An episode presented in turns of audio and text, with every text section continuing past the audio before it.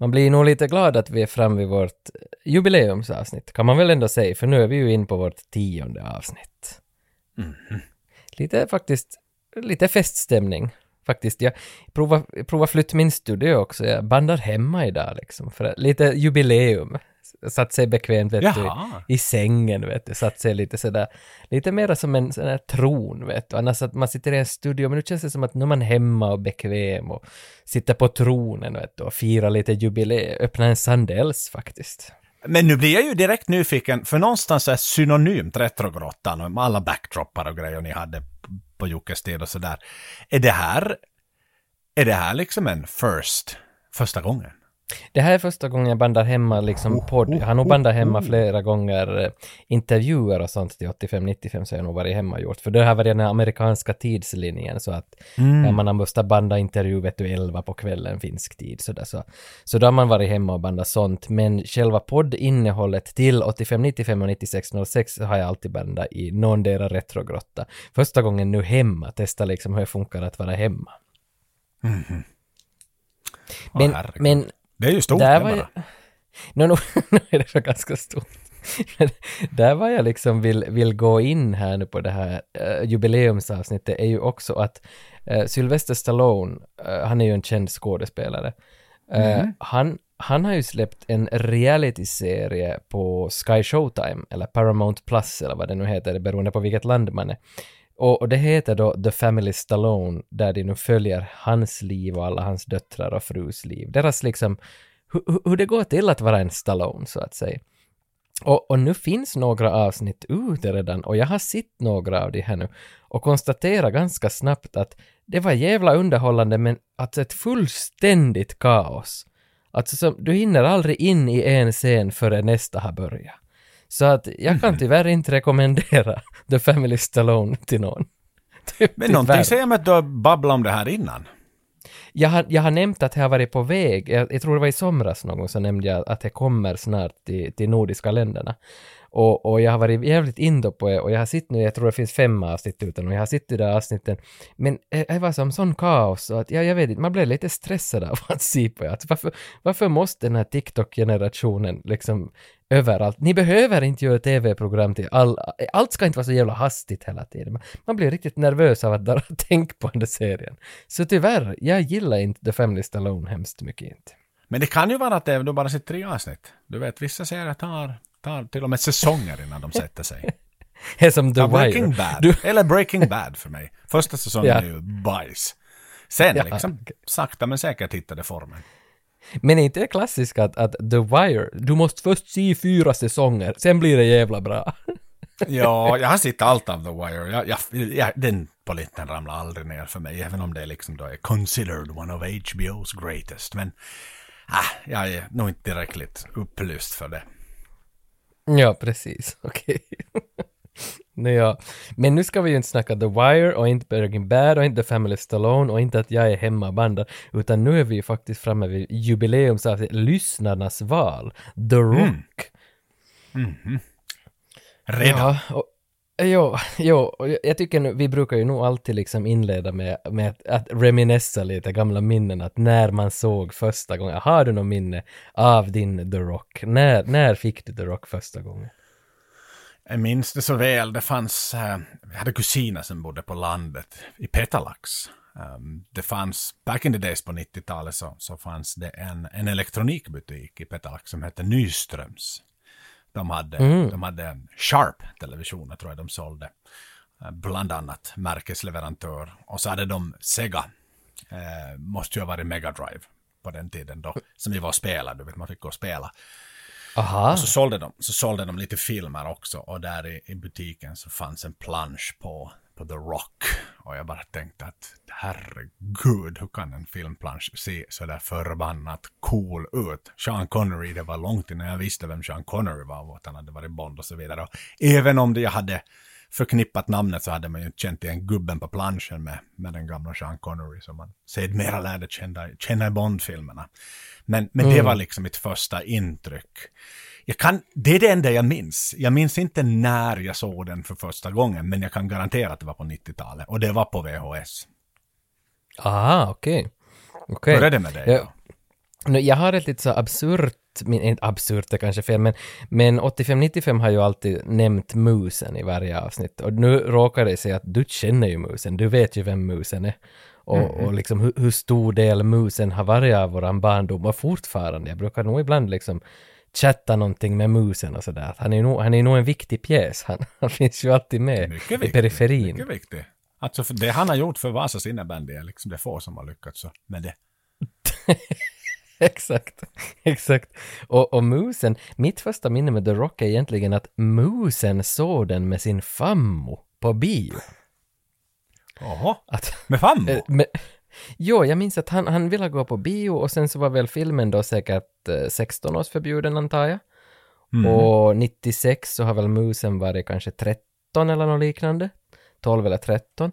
Och, och då måste han gå med någon äldre, så vad, vad jag minns så gick han med sin farmor och så. Och, och det var efter att han hade sett The Rock som han sa till mig att, att det var liksom satan det bästa han har sett.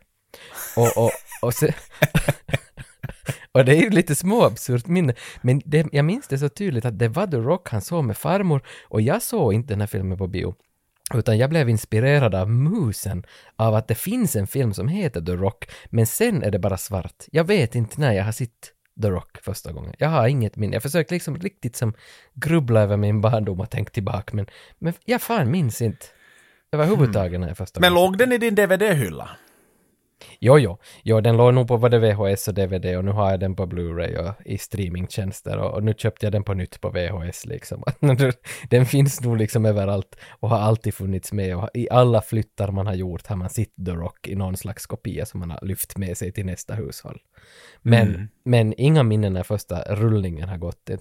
Eh, jag, jag antar att det är en sån där VHS som man har kopierat från herrkiosken och sen farit till, till mammas jobb och kopierat fodralet så man skulle få det i svartvitt och lägga det runt fodralet.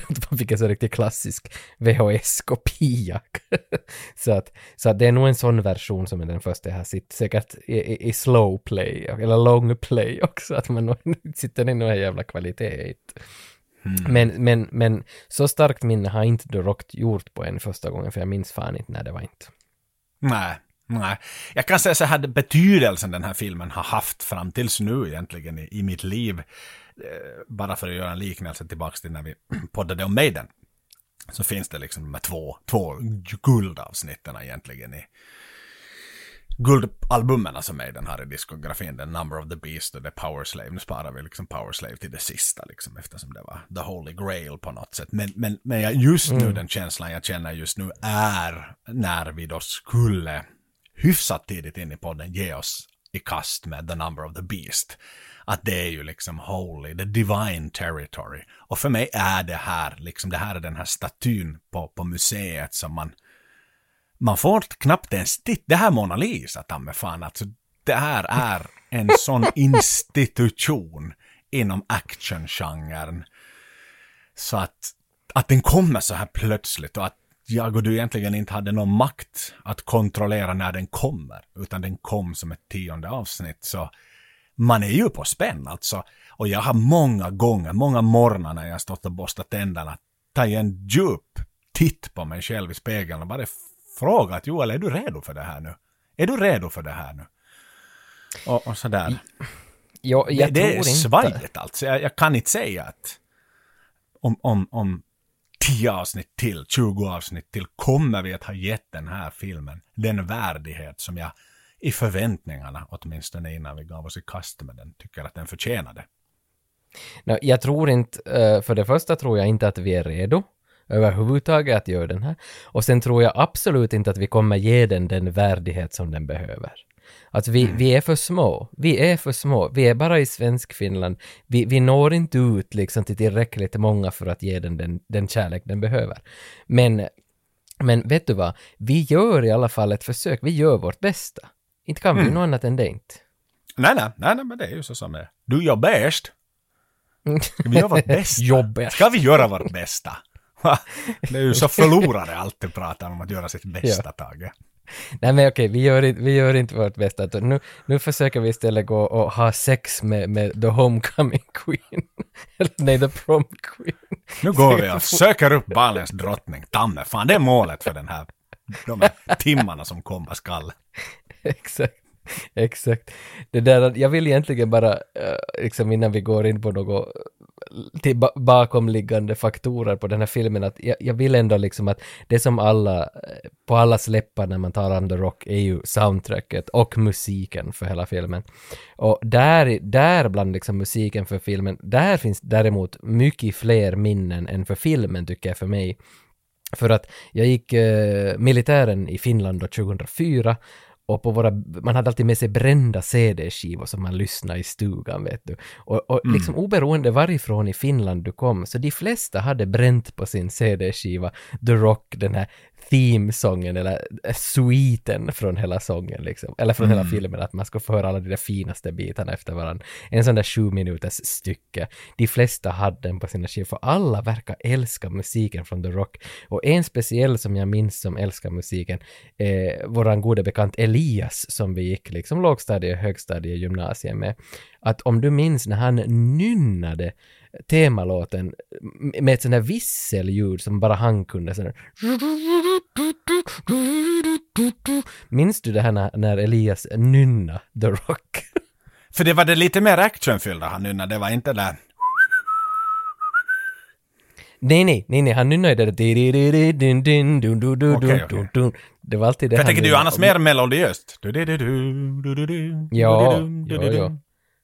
Var du annars och så när han simmerturnerade äh, Norden med, med sina nej, låtar? Nej, jag har aldrig sett ah. det, men och nu, ah, liksom, för det här är nu kanske, jag kan redan outa, det, det är ju, det är ju themesångernas themesång, det här är ju av Simmers finest hours. Och att det här kommer så jäkla tidigt i hans karriär liksom. Han är, visst han har ju jo, men... i, innan det här gjort en hel del Rain jo, jo, han har ju fått...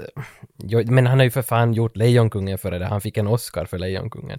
Han är ju inte en liten kille när han gör The Rock heller inte. Nej, men, men om man men... ser vart hans karriär barkar. Days of Thunder har han ju också såklart innan. Thelma och Louise har han gjort soundtracket till.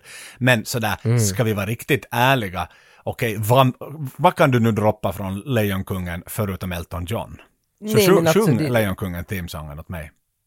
Alltså det är den här låten Land, This Land, eller My Land, inte Sonata Arctica men This Land heter den väl? men inte kan jag nu... Nej exakt, men alla kan ju Can you see the love eh, tonight? Feel, feel bara. Den kan ju alla. men... Can you feel? Can you... ja men det är This Land som han fick Oscar för väl, det är väl den som är liksom themesången. När, när Simba när du ser upp mot stjärnorna, vet du när han pratar om sin pappa som ska se upp mot, mot, mot stjärnorna. Mm. Den låten som så hugger igång där. Men det är bara är white noise i mina öron när du försöker liksom måla upp det här scenariot. Men du hör i alla fall det där Simba. Du hör den där mörka rösten som, som ja King Jaffa James, vad heter han? James Earl Jones ja. gör.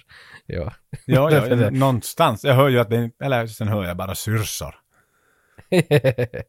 men, men i alla fall så, så soundtracket, eh, alltså, jag ville egentligen bara lyfta fram det på bordet för det, det, det är det som är på alla läppar. Soundtracket i den här, och jag såg hans simmer live då han spelade, han spelade en del från The Rock där också, att Jesus Christ vilken liksom eufori att höra det där av en orkester, or, orkester riktigt, så att det var nog, alltså det, det, det, och det finns ju på, är det på Apple TV, någonstans finns den där konserten, finns ju att ses. Hade de elgitarrist med också då? De hade ju, alltså de var ju 50 pers på den där scenen. Det var ju mm. fan allt, alla instrument du kan tänka, det var ju typ tre trumset liksom. Det var ju satan mm. allting. Jo, jo, för det, är ju, det är ju så här, Simmer är ju klassiska när han hade en elgitarr med ofta i sina liksom, ja, jo, jo, han, han har ju, kompositioner. Jo, jo, killa, han har ju en elgitarr själv också, som han, som mm. han går och jammar på. Ja. Men när vi ändå är inne lite på honom så här så, för jag vill liksom ge ett hommage åt honom eftersom det här är themesångernas themesång och nästan soundtrackens soundtrack. Uh, mm. Så tänker jag så okej, okay, en låt som sticker ut som han har gjort innan, som både du och jag borde känna till väldigt väl, Crimson Tide. Vasa Sport använde det som en sån här inmarschlåt när de skrinade in på isen back in the days. Men, men liksom tar vi oss några skutt framåt, bara för att titta liksom lite framåt, vad det är den mannen de facto har gjort. Nå, såklart, Mission Impossible 2, som han inte är jättekänd för, men den film vi har pratat om, så det måste vi nämna. Gladiator. Din, ja, möjligen din största favoritfilm någonsin. Kanske den mest värdiga Oscar-vinnaren någonsin. Black Hawk Down, Pearl mm. Harbor, Hannibal, The Ring, Last Samurai. Eh, Shark Tale säger inte jättemycket, men den kommer på listan. Madagaskar. Nu börjar vi komma in i modern tid. Batman Begins. Pirates of the Caribbean. Hela den sviten. Da Vinci-koden. Simpson-filmen. Dark Knight var vi inne på. Frost Nixon. Transformers. Han är där in. Sherlock Holmes. Inception. Rango. Kung Fu Panda. Alla de jävla filmerna. Ännu mera Sherlock Holmes. Rush. Den som vi var inne på när vi snackade Renny Harlin. 12 years a slave. Spiderman, Interstellar. Alltså, alltså har han ju för fan haft sin hand i varenda kakburk som bara går att ha i när det kommer till megafilmer. Dune! Jo. Tamme fan, Dune! Som äntligen jo, jo, kom 2021 efter alla dessa jävla år. Till och med James Bond har för fan varit med i. No time to die. Jo, jo, jo, jo, jo, alltså han, han har ju sitt finger med i de flesta soundtracks. Men intressant där då du nämner Transformers, för jag brukar lyssna på Transformers-soundtracket när jag är ute och springer och också The Rock-soundtracket från och till. Men Transformers första soundtrack är ju Steve Jablonski som har gjort den och den är ju helt huvudlöst bra. Sen har inte jag lyssnat på Simmers Transformers, för jag tror han har gjort från tvåan och trean och framåt och därifrån liksom. Och tagit modell säkert av det där första som Jablonski gjorde. Men säkerligen, säkerligen. För intressant också med Pirates of the Caribbean, där är ju också en annan kompositör egentligen. Han har ju, han, han har ju väl varit med på det där liksom efteråt. Samma med The Rock. Det är ju någon kille som heter Nick Glennie Smith som har gjort musiken till The Rock tillsammans med Hans Zimmer. Som Exakt, är lite de har båda gjort det. det är ju, Ja, det är ju två namn där. Men, men ja. därifrån, liksom musiken till The Rock varifrån, jag minns den väldigt starkt utöver filmen, är ju första säsongen av Robinson på SVT. De använde ju uh, The Rock-soundtracken, liksom, jag tror det var den där plankan vid en av de där sista avsnitten när, vad det nu hette där i de där första säsongerna, var det Herman och Jesus eller vad det nu hette där som, som mm. var med i första Robinson. Och där passar ju nog The Rock-soundtracken helt jävla bra in också i Robinson. Men, men så här, även om han, bara för att komma tillbaks, för att tar du en av de här låtarna på, på eh, det här soundtracket, och jag tror den heter The Chase eller något sånt här Car Chase då, just eh, vi kommer ju ner i storyn men det blir ju en biljakt med i alla fall. Så då är det ju en väldigt så uptempo melodiös, och det är ju typ nästan liksom som att Pirates of the Caribbean har stulit just den delen. Alltså det är en väldigt snabbt tempo, rytmiskt jo, och melodiskt jo. liksom.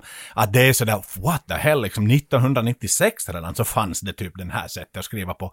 Men för att ännu då liksom slå ett varmt slag för, för vår kära vän här, liksom ett av mina andra personliga favorit-soundtrack tillsammans med Simmer är ju Interstellar, för det är ju liksom, den är så annorlunda, det är så icke liksom major theme, big liksom orchestral score.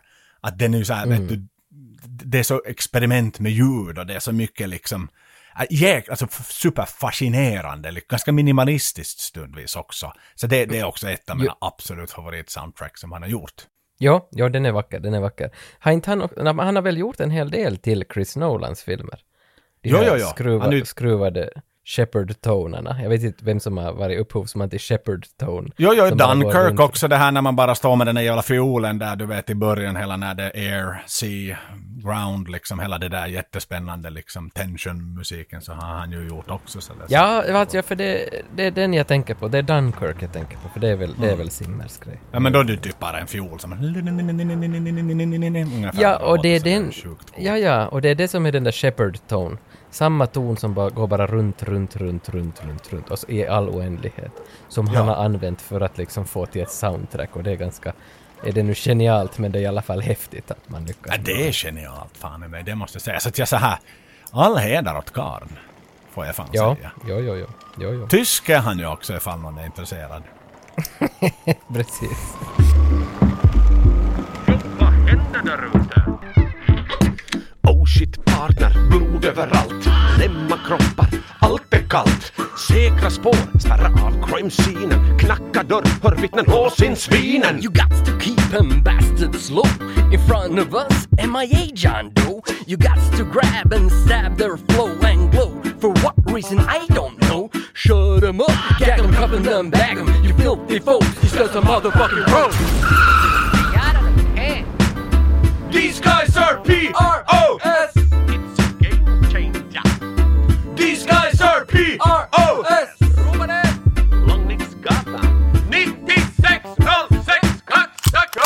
The Rock är ju alltså en film från 1996 för de som inte känner till det här. Och det är Micke Bay, Michael Bay som står för regin. Och det här är ju då samma regissör som Armageddon. Så det är ju en otrolig, en otrolig pjäs det här också. Och Meatloafs första, eller Meatloafs video I Do Anything For Love är ju också Michael Bays regi. Nå, manusförfattarna bakom den här filmen så heter Weisberg, Cook och Rosner. Tre killar, och det är ganska intressant att de har, de har som inte skrivit nästan någonting annat i sina liv än The Rock. Och där är man nog lite intresserad, vad, vad grundar det sig på? Att varför skrev de ingenting mer? Man är lite intresserad. Jag har inte djupforskat i de där tre, men jag förstår inte varför inte de liksom gick vidare eh, från The Rock. Att, vad, vad månne har hänt? Nej, för det var väl lite kontroversiellt med det där, utan det var ju någon rewrite på det där manuset och det är väl därför de egentligen står som, som eh, författare av den här filmen. Att tittar du andra människor som har varit involverade i den här filmen också skrivit, så är ju ingen mindre än Aaron Sorkin och Quentin Tarantino. Ja, ja, det där hittar man väldigt lite info på tycker jag också, att Quentin skulle ha skrivit The Rock, att han är som uncredited, att eh, säkert har han varit med med, med något finger, för att jag lyssnade just på det här P3 IDs eh, dokumentär om Quentin, och det verkar Mm. som att Quentin efter Pulp Fiction eh, liksom mellan åren 95 och 2001 ungefär så har han ju bara suttit hemma och skrivit och rökt gräs. Och han har skrivit i många, många år bara skrivit film, film, film och varit säkert med, med sitt finger på massa grejer. Ja, ja, ja, ja, ja. ja han var ju rewriter och liksom satt sin hand mycket på sånt här. Så att, så, således så är det ju ett sånt här manus som väl har svävat runt ganska länge i, i Hollywood innan det de facto plockades upp kanske. Antagligen, ja. Pro- producenterna för filmen är Don Simpson och Jerry Bruckheimer som då är ganska, det är ju ett radarpar från 80-talet nu, de ligger ju bakom Beverly Hills Cop och de ligger bakom Bad Boys och de ligger bakom Top Gun alltså, och Armageddon förstås, det är mycket Armageddon connections med The Rock också. Men det som jag ändå tycker är så fräscht med The Rock, att det finns ju inga förlagor till, eh, till The Rock och det finns inga uppföljare. Någon gång har jag sett någon plan att det skulle komma en The Rock 2 eller något sånt här, men, men det, är lite, det är lite muntert att det här är en standalone film, då blir man lite glad. Så är det onekligen. Ja, men det fanns ju något, något, något löskokt rykte där just att ehm, han skulle göra en tvåa där liksom eh, han då jagar Goodspeed eftersom de då egentligen och som, som sen då behöver hjälpa Mason igen för att eftersom, nåja, nu ska vi inte spoila det här slutet, men de, de får händerna på saker som, som kanske ligger i, i, i det amerikanska eh, vad ska vi säga, espionagets intresse att inte ska komma i händerna på fel personer. Exakt, ja. Så kan vi uttrycka oss utan att spoila för mycket. Men, men, men ändå, The Rock hade ju faktiskt, det hade jag inte koll på, The Rock har ju en Oscar-nominering för Best Sound. Bästa ljud. Det har den. Men, men eh, där var också nominerad Independence Day och Twister och Evita. Att det är ganska stora filmer som är nominerade i samma kategori. Men har du någon aning om vem som vann Oscar det här året? 97 års gala. Bästa ljud, spontant gissar jag på Evita eftersom det är musikal. Eh, nej, jag nämnde aldrig vilken som var vinnaren. Det är The English Patient som var den där sista, alltså engelska patienten. Den körde över The Rock. Aha, Så det är lite... och den körde över Evita också. Ja, jag trodde också att Evita skulle ha tagit den här, men jag blir ju glad att The Rock har en nominering.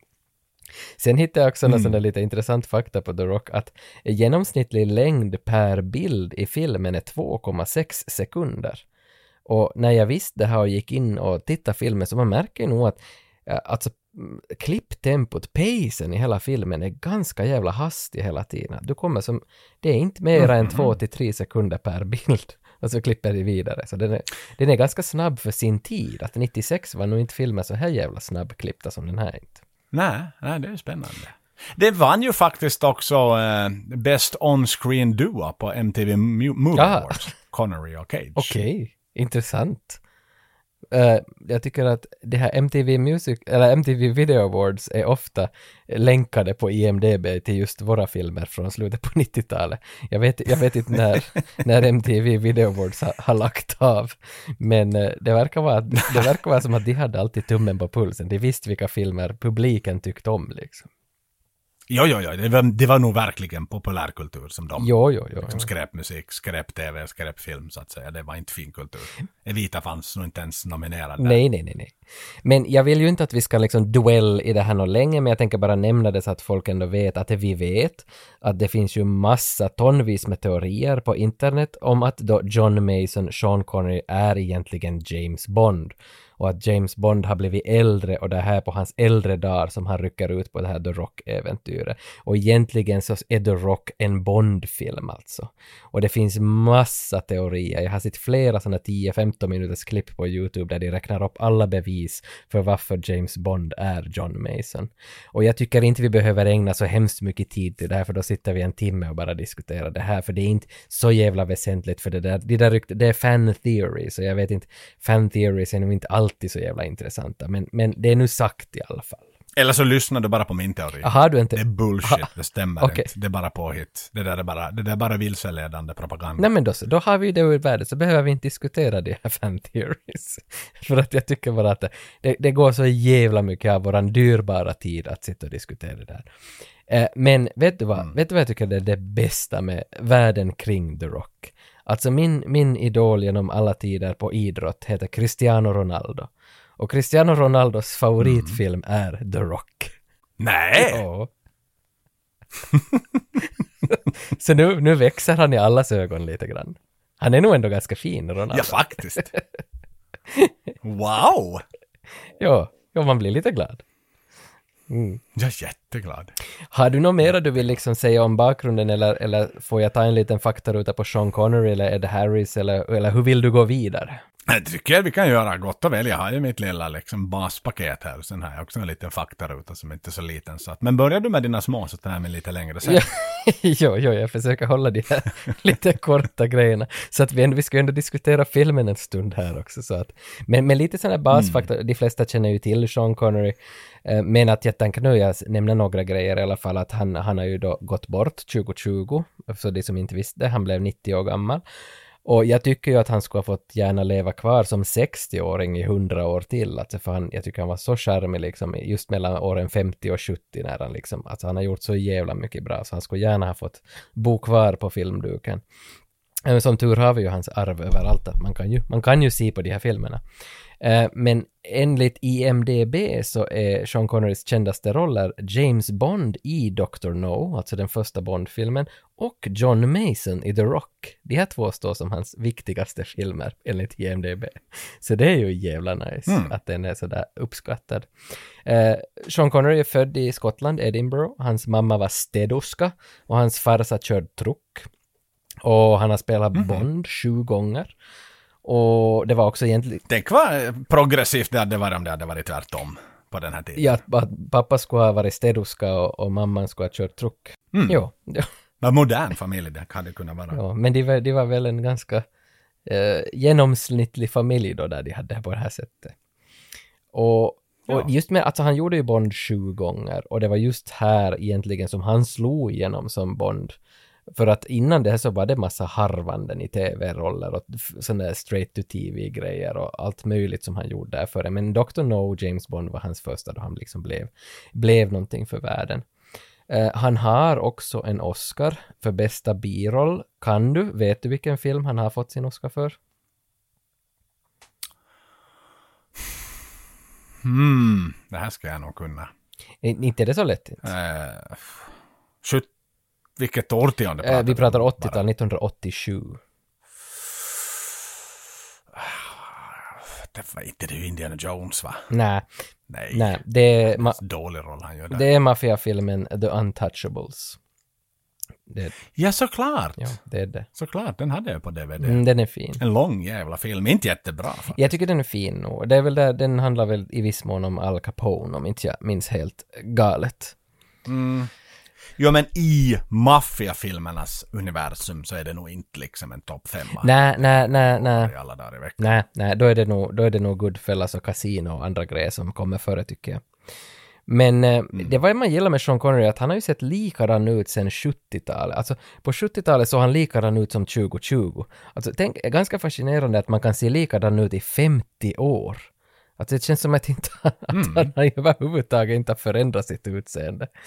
Och, och, och sen så läste jag att det sägs att Sean Connery har börjat röka som nioåring. Alltså röka tobak som nioåring. och, och ändå levt till 90 vet du.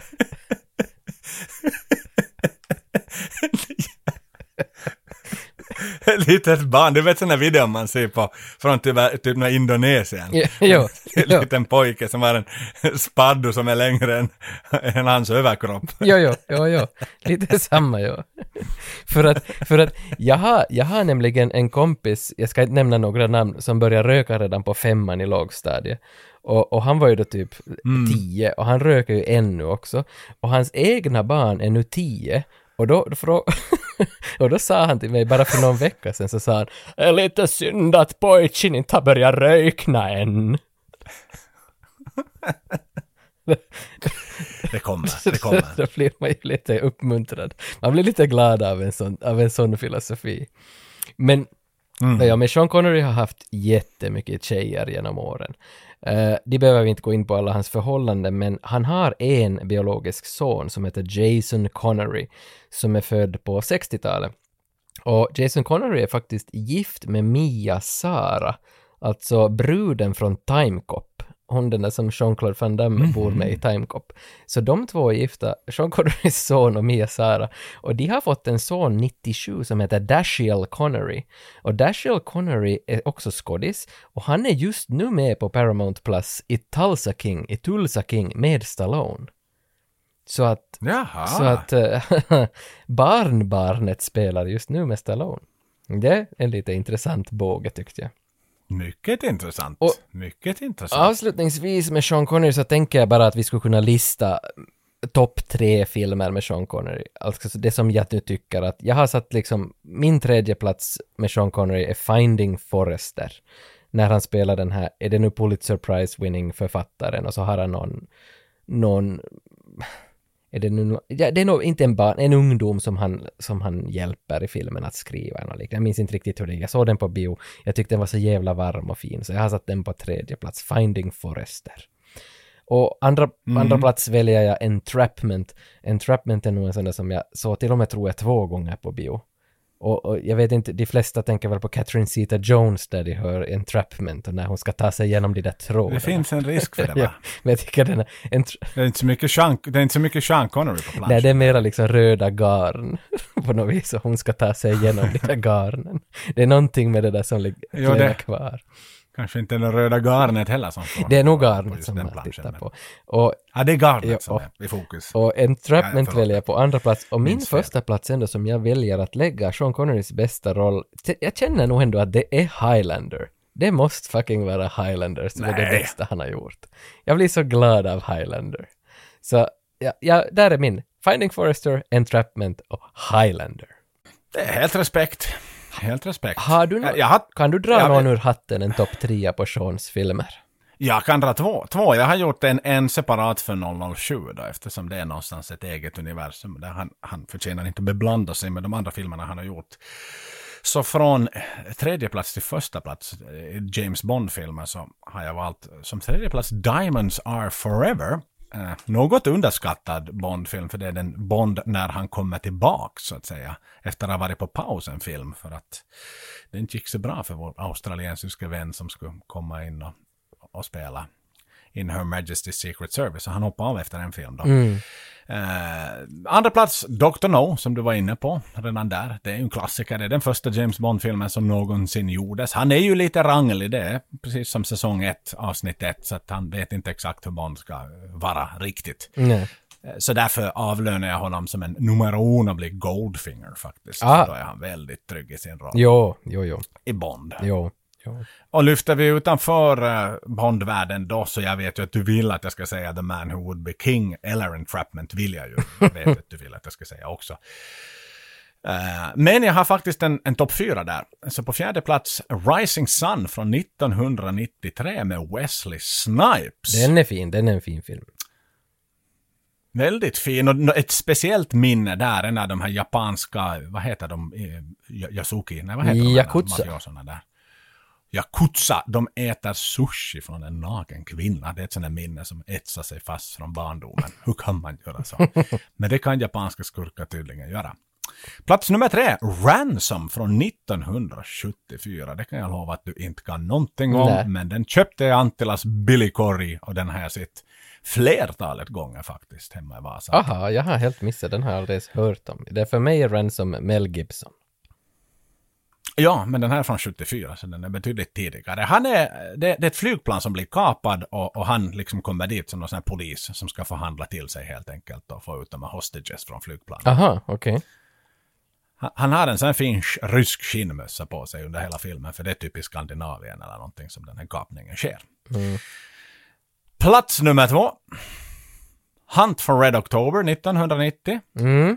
Den, Han är ju kapten på ett sovjetiskt, eh, på en sovjetisk ubåt egentligen. Och där är ju frågan sådär att äh, är han, vill han hoppa över till, till väst eller vill han starta ett, ett kärnvapenkrig med USA? Det är ju det som, som hela filmen handlar jo, för han är ju en Ru- Russian submarine commander. Exakt. Eh, och nummer ett så är nummer uno är filmen vi pratar om idag. Såklart, inget snack om saken. Jaha, du ligger The Rock dit. Jag, jag, jag, jag fann inte plats för The Rock på, på en topp tre med Sean. Jag tänkte att jag, jag tar lite andra filmer som är lite mer spännande som Highlander och Finding Forrester.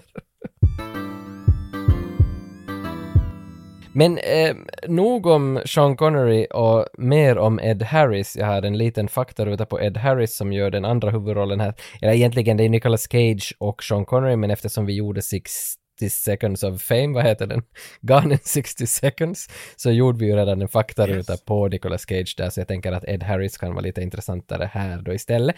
Eh, Ed Harris mamma jobbar på en resebyrå och pappa jobbar i en bokbutik och sjöng lite på sidan om. Och det där, redan i början av 80-talet så startade Ed Harris som skådis i film och det var en av de första var den här George A. Romeros Night Riders och sen kom den där The Right Stuff och egentligen hela 80-talet så gör han massa bra, bland annat Abyss av James Cameron. Att han gör skit mycket bra. Och sen liksom när det går över till 90-tal så det, han är tydligen med i State of Grace från 1990. Den låt som jag, alltså den film som Kent sjunger om i sin låt Palace and Main. Alltså som Robin Wright Penn gör i State of Grace. Och State of Grace är en sån här film som jag så länge har velat se bara för att Kent sjunger om den där filmen. Men jag har aldrig sett den, men tydligen är Ed Harris med där också. Men eh, övrigt på 90-talet vad han gör så är ju Apollo 13 och Truman Show och Pollock, A Beautiful Mind, The Hours då man kommer över till 2000-talet. Alltså han egentligen bara massa kvalitet. Han gör ju som inte skit. Och än idag så tuffar han ju på. Senast nu såg jag att han var med i Top Gun Maverick. Och så är han ju med i säkert minst 50 avsnitt av Westworld. Att han är ju faktiskt liksom, han väljer bra grejer. I, idag är han 70 Ja, men han är respektabel. Han är, han är definitivt en A-list actor. Jo, jo, jo, jo, jo. Idag är han 73 år gammal och han är faktiskt Oscar-nominerad fyra gånger för skådisar, för skådistjänsten. Men han har inte fått någon Oscar aldrig. Han är utan. Men det är biroller varenda en då. Eh, ni är nog större roller, men fan minns jag vilka fyra filmer det var nog inte. Men alltså, Men supporting måste vara för alla va? Det är inte... Eller har han någon leading? nu är jag osäker. Det här är nog någonting som måste liksom IMDBas upp, men, men det är nog mer av det där supporting, det är det nog. Men, men skulle det månne ha varit, jag, jag ska nog för fan ta och kolla upp att finns det någon leading-roll för honom. För det känns som att han, han är liksom den riktigt så här steady number two alltid. Vi kan titta här vad han är nominerad. Det är supporting role, äh, leading role faktiskt för en film då. Alltså Pollock. Pollock. Pollock, ja. 2001. För. Pollock har han regisserat, De andra då? alltså Pollock är hans regidebut också, han har, gjort, han har regisserat två filmer och Pollock är en av dem. Den handlar ju då om Jackson Pollock, den där Ja. konstnären, och han spelar honom.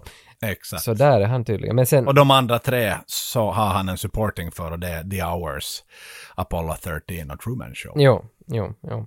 Sen såg jag också som sista detalj på Ed Harris att han älskar boken Vredens druvor av John Steinbeck.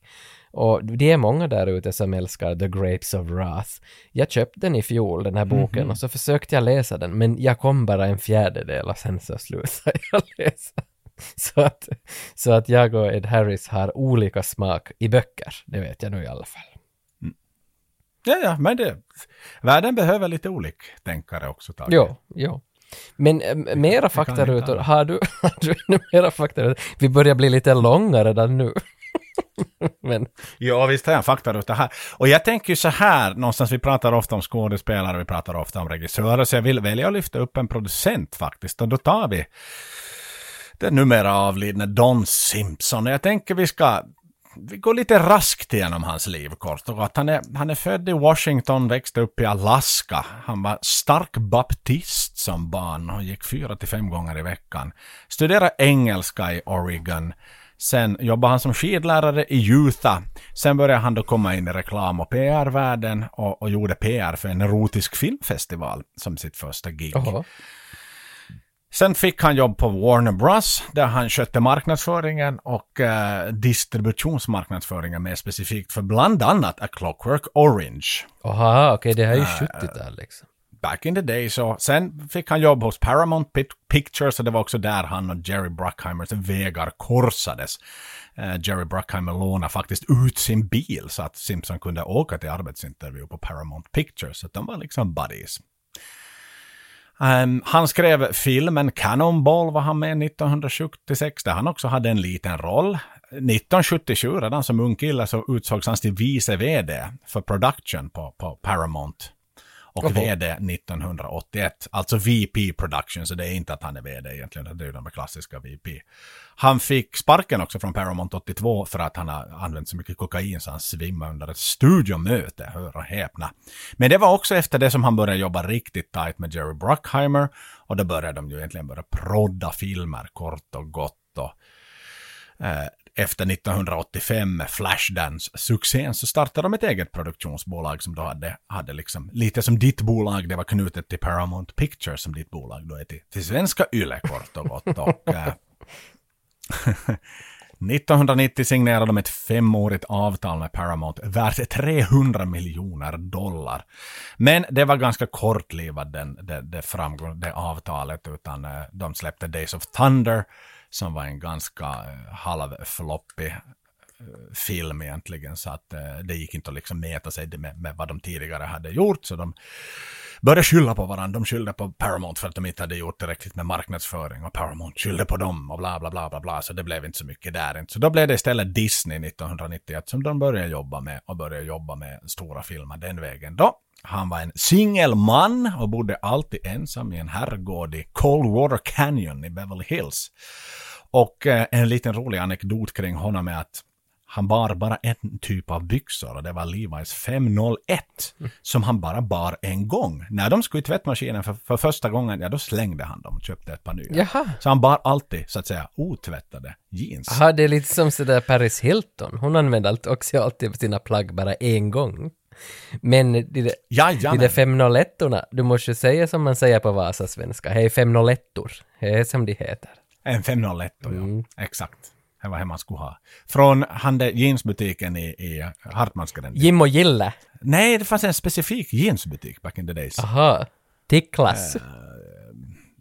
Nej, det är i Hartmansgränden. För fan, mitt emot uh, den där krogen under fontanen. Ett, ett finns, jag vad heter Rimini. Men det var nog classy. Inte hade man råd att gå dit om inte man gick med morsan på en lördag när det var rea. Ja. Typ enda gången. Är det någon Jääskeläinen? Nå. Nej. Nej, det här är nog lite ungdomligare. Det är en denimbutik. Det, liksom, det var denim, punkt. Denim är så jävla ungdomligt.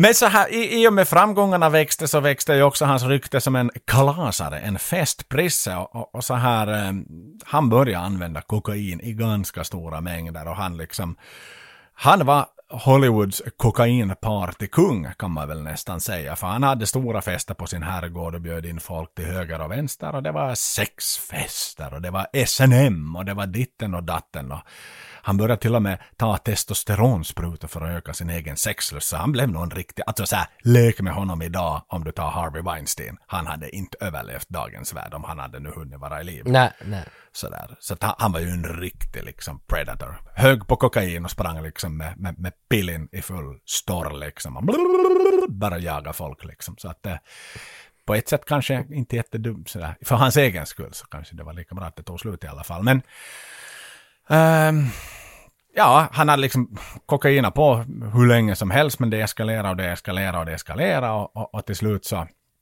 vägrade han då liksom gå på rehab, men, men han anställde någon egen privat läkare då för att hjälpa honom med sitt missbruk då. Men, men det visade sig att tyvärr var det alldeles för sent för att han, han eh, hemma då så, så, så dog han sen eh, i en hjärtinfarkt i badrummet. Det var där han hittades, hittades död och det visade ju sig då att det var på grund av liksom väldigt höga droganvändningar och olika andra receptbelagda mediciner. Och det här, allt detta sker ju då mitt under produktionen av, av filmen vi de facto ska prata om. Så att han var ju, han dog när de sprang runt med kamerorna och, och mig veterligen, jag läste någonting så berättade de inte det här åt skådespelarna, alltså inte åt, åt, åt casten, men det var, det var Nicolas Cage då sen av någon anledning som hade fått reda på det. Och liksom, så det var genom honom som nyheten till, till alla som jobbar med filmen faktiskt kom. Att hey by the way, en av producenterna har faktiskt trillat av pinn här mitt under, mitt under inspelningen. Jaha, okej. Jo, för man minns alltid... Men för att ta oss en liten... Ja, förlåt. Nej, jag, jag, man minns alltid bara det slutet av The Rock då det står In loving memory of Don Simpson. Och, och att bolaget alltid Mm. hette Simpson, Don Simpson, Jerry Bruckheimer och det där blixten som slår ner, att det var alltid de två, men sen plötsligt var det bara Jerry Bruckheimer Productions. Okej, men vilken tragisk historia. Yes. En tragisk historia, men bara någonstans så för att summera alla hans filmer han ändå var med i fram till sin död. Så det var ju Flashdance första filmen, Beverly Hills Cop 1, Thieves of Hearts, Top Gun Beverly Hills Cop 2, Days of Thunder, The Ref, Bad Boys, Crimson Tide, Dangerous Minds och då avslutningsvis The Rock. Han har varit med så det är ju någon jäkla... Nu sätter han ju sin, sin kärna på, på boulevarden där nu i, i, i, Los Angeles liksom. Jo, Det, det är några filmer som har gjorts. jo, jo. Fina hantverk, sämre liv. Mm. Ja, ja, ja, men tyvärr, det är vanligt i showbizvärlden att det är så. Sen har jag lite random trivia om du är liksom intresserad. Ehm, Mm. I största allmänhet innan vi hugger igång. Visste du att Schwarzenegger faktiskt erbjöds rollen som eh, John Mason? Eh, Jag läste någonstans bara, men det, det verkar som att Schwarzenegger har blivit erbjuden rollen till precis varenda jävla film som har gjorts på 90-talet, så det kändes inte så intressant och mera liksom när man läser om Schwarzenegger was considered for the role. Det är alltid detsamma. Okej. Nej men en annan, eh, du, hiss eller diss? Du får, om, jag, om jag säger ett påstående så får du säga hiss eller diss. Okej. Sean Connery orkade inte åka båt fram och tillbaks från ön efter inspelningarna, så han bodde i en liten stuga på Alcatraz under inspelningarna. Hiss? Filmpremiären hölls eh, på Alcatraz. Ah, hiss? Ehm, när de höll på att filma så var det fortfarande turister, så den var öppen fortfarande för allmänheten, så, så turisterna sprang och tittade på när de spelade in filmen. Diss? Några av sealsarna som är med i den här filmen var faktiska riktiga Navy Seals. Megadiss? Stanley Anderson, som spelar presidenten i den här filmen, är också president i Michael Bays Armageddon. Hiss? Jättemycket hiss? Bra, det var dem. Okej. Men vad fint med lite... Det var ändå fler hiss än diss tror Ja, jag. det var, det var tre, tre En fler, hissar och kanske. två dissar, tror jag. En fler. Jag finns, på tal om det, jag hade en, en, en dalmas som kollega här i back in the days i, på något jobb. Han skulle alltid dra de här jävla finskämtena, liksom du vet. Så här, riktigt buskis skämt liksom om, om, om hur hårda finnar var. Och, och, och han frågar alltid sådana dumma frågor åt mig. Eh, men då frågar han, så här, du, han var från Dalarna. Du Joel, vad är det för skillnad på ett uh, finskt bröllop och en finsk begravning? Knappast någon skillnad alls. Det är en färre som super. Nu är det lite roligt nu. Nej, jag blev jätteförolämpad. För du- har en så stereotypisk gammaldags bild över oss finländare. Ja, Jag gillar ju din tolkning av Dalarnas äh, gemål, eller vad heter det? Språk, dialekt. Dalamålet, ja. Mm. Ja, när jag hörde honom, han var sen, det är ju glättigt och glatt. Det är glättigt och glatt. Ja, men, men så här, ja, picki picki liten sak ännu. Bara the basics, det här går ju skitsnabbt. Den har en IMDB-score på 7,4, en metascore på 58. Tittar vi lite på pengarna bakom filmen då. Den kostade så mycket som 75 miljoner dollar att spela in. Första helgen plockade den in 25 miljoner dollar. Den vann Mission Impossible kan det sägas. Men The Cable Guy kom och tog över den senare då. The Cable Guy. Tutti Balutti. ja, det var flera som tyckte om att se Cable Guy and The Rock av någon anledning. Okej. Men han var ju up and coming den här tiden, 96. Jim Carrey. Jo, jo. Jag menar det här är efter Dumb Dumber, det här är efter The Mask. Alltså det var ju, hans väg var ju spikrak efter det här. Sen är ju The Cable Guy kanske en av hans sämsta filmer. Jo, Jim Carrey. jo. Den är inte en bra film inte. Men det är väl, är inte Matthew Broderick med Jo. också, som är en riktig sån här. Jag hade jättesvårt med Matthew Broderick. Tyckte den var skitskoj. Ja, jo, för The Cable Guy såg jag säkert, vet du, åtta gånger. Jag försökte alltid se den igen och igen och liksom ge den en chans att varför ser alla på den här, men inte kom jag aldrig fram till att den var något bra heller. Det var många timmar bortkastade. Ja, ja, ja, ja. Nej, men han så här, tittar man till hans liksom, palett av filmer så är den absolut inte där.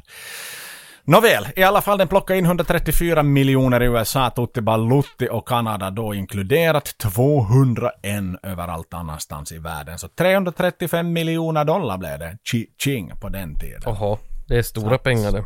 Hyfsat mycket mer än vad den kostar, ja. 75 kostar den, 335 in. Häftigt. 7 juni var det dags att släppa både soundtrack och film, 1996. Så det var en sommarfilm. Och med det så spelar vi väl upp ljudet som fick folk att gå på biograferna. This is FBI Director Womack. Director, be advised, 81 civilians are under my control as of this moment. You are to take measures to assure this remains a need-to-know classified fact. Who is this? Mr. Director, you have a very serious problem. A battery of VX gas rockets is presently deployed to deliver a highly lethal strike on the population of the San Francisco Bay Area. I will call again at 0000 hours to state my demands. I want to know who I'm talking to. This is Brigadier General Francis X. Hummel, United States Marine Corps from Alcatraz. Out. What's the matter, fellas? Something at the truck? Tour's over, Bob. The Rock inleds ju då med en begravning, någon slags militär begravning får man tolka det som. Och där är massa ljud ur walkie-talkies ur någon slags krigssituation. Och det är någonting som har gått jävla fel. Och vi ser General Francis X. Hummel som spelas av Ed Harris och han klär på sig sin finaste milistas och går ut i regnet. Men då går han då till sin frus grav. Eh, och fruns grav har väl ingenting egentligen att göra med det här kriget som han hör ur walkie-talkien, eller har det det? Jag är oklart där. Men, Nej, det tror jag inte. men han, han låter i alla fall frun veta i regnet, han talar med gravstenen, att, att nu ska Francis X. Hummel göra någonting riktigt stort. Och för att det finns ingen, ingen som vill lyssna på Ed Harris något mer. De vill inte lyssna på honom, så nu ska han göra någonting åt det här. Även om det händer någonting riktigt skit nu när han ska gå tillväga med det här, hör du Barbara, så vill jag Barbara att du aldrig ska tänka något skit om mig, för jag vill bara väl. Det är det här som är starten på filmen. Och förstås The Rock-musiken rullar ju hela tiden här. Så är det, så är det. Och då presenteras vi med kanske tidernas fulaste filmnamnsfont. The Rock, när den bara smäller fram i rutan där. Jo, det, Den är så horribelt ful. jo, det är nog riktigt billig, billig effekt som de har valt att använda. Jag förstår inte riktigt, och hela filmen är så satsad att, men kanske, det ser ut som en sån här TV-effekt, från typ ett sån här Power Rangers avsnitt. Så flyger det fram en text. Jo, jo, eller någon sån där, s- vad heter de här jävla eh, Flintstones liksom. Ja, ja, nej det är jättemärkligt hur fult det är allt annat så fint. Men kanske det var liksom, ja, man minns ju det i alla fall för att det är så fult. jag vet inte. Jo, jo. Nå, ef- Nej men så är det, så är det. Sen efter det här så blir det ju då ett, ett inbrott i en militärbas. Och, och här, här följer ju liksom världens häftigaste Michael Bay-bilder. Här visar ju Michael Bay än en gång vem som är bäst på action. Alltså varenda jävla bildruta är cool och underifrån på något jävla sätt och det ser så jävla häftigt ut och det är så bra musik och det är så och allting är liksom bakljus, det är backlit hela tiden och det är så jävla snyggt att han, han kan nog sin grej. Han kommer ju också från någon reklamarvärld liksom och bilreklamsvärlden och så här och han har gjort mycket Victoria's Secret-grejer och sådär. Allting ska bara se så jävla sexigt ut hela tiden. Han är nog skicklig på det där bara. Och så är det ett gäng militärer som, som rånar en militärbas. Eh, och, och där är ju då General Francis X. Hummel som vi har träffat i första scenen. Att de, de, de liksom tar sig in på militärbasen ganska lätt för att Francis är ju väldigt känd inom militären så han får ju åka förbi vakterna såklart. Att inte det är någon som miss... Han kommer ju på en inspektion. Jo, han säger ju faktiskt att han ska på en inspektion. Ja, ja, så, ja, ja, ja, ja. Och inte det är någon som misstänker någonting. Varför skulle det göra det? Inte det är någon som vet att han har något ont uppsåt, så att säga. Men, men det som Francis X. Hummel är efter här nu då med sina mannar så är ju uh, missiler, raketer. Raketer med gröna kulor i sig. VX Poison Gas som finns inne i raketerna. Och det sker tyvärr ett stort misstag under själva inbrottet. Att det är ett, en av de här gröna kulorna, de här gröna kulorna hänger ju ett slags pärlband inne i raketen som man lyfter ut så finns det fyra eller fem pärlband av gröna kulor från Fatser som hänger där fast.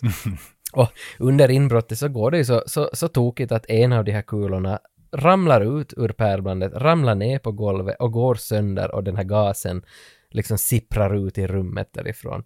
Och då får vi liksom, då får vi reda på vad den här jävla gasen, hur stark den är. Att de måste som fort bara slita fast dörren och tyvärr blir en av deras militärer inlåst där med den där gasen.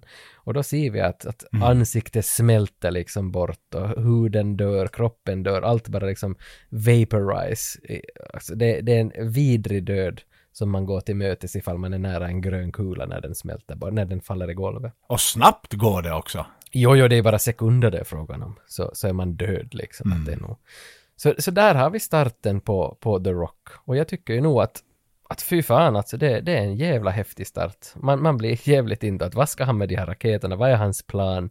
Bara att någon har gjort någonting jävla fel och nu de slutar lyssna på honom och han ska nu liksom tillrättavisa alla med de här raketerna. Och med sina nya bundsförvanter ja. som han har hyrt in då. Och det vill jag ännu poäng, poängtera, liksom, att hans trovärdighet från början då, att han, han, han står och pratar med sin döda frus grav liksom, och erkände för henne, är ju att, att under det här äh, rånet, eller vad vi nu ska kalla det, på den här vapendepån, så att när de ju då, det blir ju eldstrid med personalen där, äh, såklart. Mm. För att han har ju då sina liksom goons som, som kommer in liksom grillavägen så att säga till den här depån. Men de använder ju bara sövpilar. Så att det är ju inte liksom, det ska ju inte spillas blod här. Nej, nej, nej, nej, nej, det här är ju ett rent, ren, rena typer liksom som varför skulle militärer döda andra militärer från samma land utan de söver ner den bara. Mm. Ja. För att få till det. Sen klipper vi till ett labb där, där Goodspeed sitter och latar sig på sin skrivbordsstol och har beställt Beatles-skiva på vinyl. Ja. Eftersom han inte täcks beställa dem hem för de är väldigt dyra. Och det har man ju fan mig själv också gått i de banorna att man beställer grejer till jobbet. Man vill kanske inte alltid liksom. Hur är det med dig Tage? ja, jag, jag, jag vill tyvärr, jag vet inte vem som lyssnar, men jag vill inte gå in på vad jag har beställt från nätet. tyvärr. Det här lämnar jag. Det, det här ska vi inte diskutera. För det har nog beställts grejer det kan ha hänt och det kan vara det inte har hänt. Vi, lämnar det där. Exakt, jo, jo, jo. Nej, det här går vi inte in på. Nåväl, det, hans liksom chilltid blir ganska kortvarig för larmet går där inne och, och, och, det blir eh, så att det har kommit post till labbet. Aid to Bosnia står det på lådan och, och det tros då innehålla saringas för det visar ju sig då att, att Goodspeed är någon typ av laboratoriefilur för, för polisen då. Mm. Och eh, det ligger en docka i lådan bland annat och, och då börjar hans liksom assistent, någon praktikant nästan, eller han har med sig där inne i den här glasburen då, laboratorieglasburen då. Han börjar vifta och vinka med den. Hello Stanley, hello Stanley! Och så börjar den så spruta ut någonting. Han blev ju upp, väldigt upprörd på sin praktikant där liksom. Vad fan, det kommer en jävla låda till oss. Det kommer inte alltid lådor till oss. Och så ska du börja leka med leksakerna i lådan. Din jävla idiot. Exakt. Så den började spruta ga gas ur munnen och, och förutom då att den är fylld med, med gas så är den fylld med C4 explosiva smedel då. Ja, Eh, enough to blow ta this ut building. fyra blocks. Ja, enough to blow this Exakt. building and four blocks away. ja, ja, det är mycket C4 där. Jo, jo, hela dockan är liksom så smockfylld ut i armarna med det. Och sen ska du ha på sprinklan då för att den här gasen så, så är inte så där jävla hälsosam fast de har dräkter och grejer på sig. Men det blir strul med de där jävla sprinklan. Och de får då istället råd att ta, ta atropin. Och, och det är liksom en spruta man ska injicera själv rakt in i hjärtat. En stor jävla spruta som man ska dunka dit. Men you want me to stab this in the heart? Are you fucking nuts? Men turligt nog så de kämpar på de här grabbarna där utanför och får igång sprinklern till slut. Och at the end of the day så lyckas Goodspeed då desarmera bomben. Ja, ja. Det där med, med C4, jag vill bara kort inflika där att då jag var i militären så det finns ju en annan eh, sprängdeg som heter väl Semtex eller vad den heter den andra. Det finns ju väldigt många olika sprängdegar. Jag tror det var Semtex som vi hade i militären eh, när vi var på någon sån där sprängläger. Man, blev, man är ju en liten pojk vet du, man älskar ju att spränga saker. Och det, det var så fint för vi var sista gruppen där en gång så hade lämnat över en stor hög av, av sprängdeg och då sa våran premiärlöjtnant att inte vill någon ändå ha hem den här degen så ni får spränga den. Och liksom det där att eh, liksom arm degen och föra ut den någonstans i skogen och sen att, att skjuta iväg den här lilla elstöten till den här degen och se när det där sprängs en jävla stor mängd. Alltså, det var nog fan en kick som jag aldrig kommer att glömma när man såg den här jävla smällen. Wow. För, för övningen var ju sån där att man fick ju bara där små, vet du, som en tuggummifläck av den där semtexen. Mhm. Och det smällde ju nog hårt ändå. Men sen när någon ger en jävla snöboll av den där degen liksom. Att spräng det där ni, ni kan göra det, jag behöver inte det där degen hem. Så, fy fan vad det donna.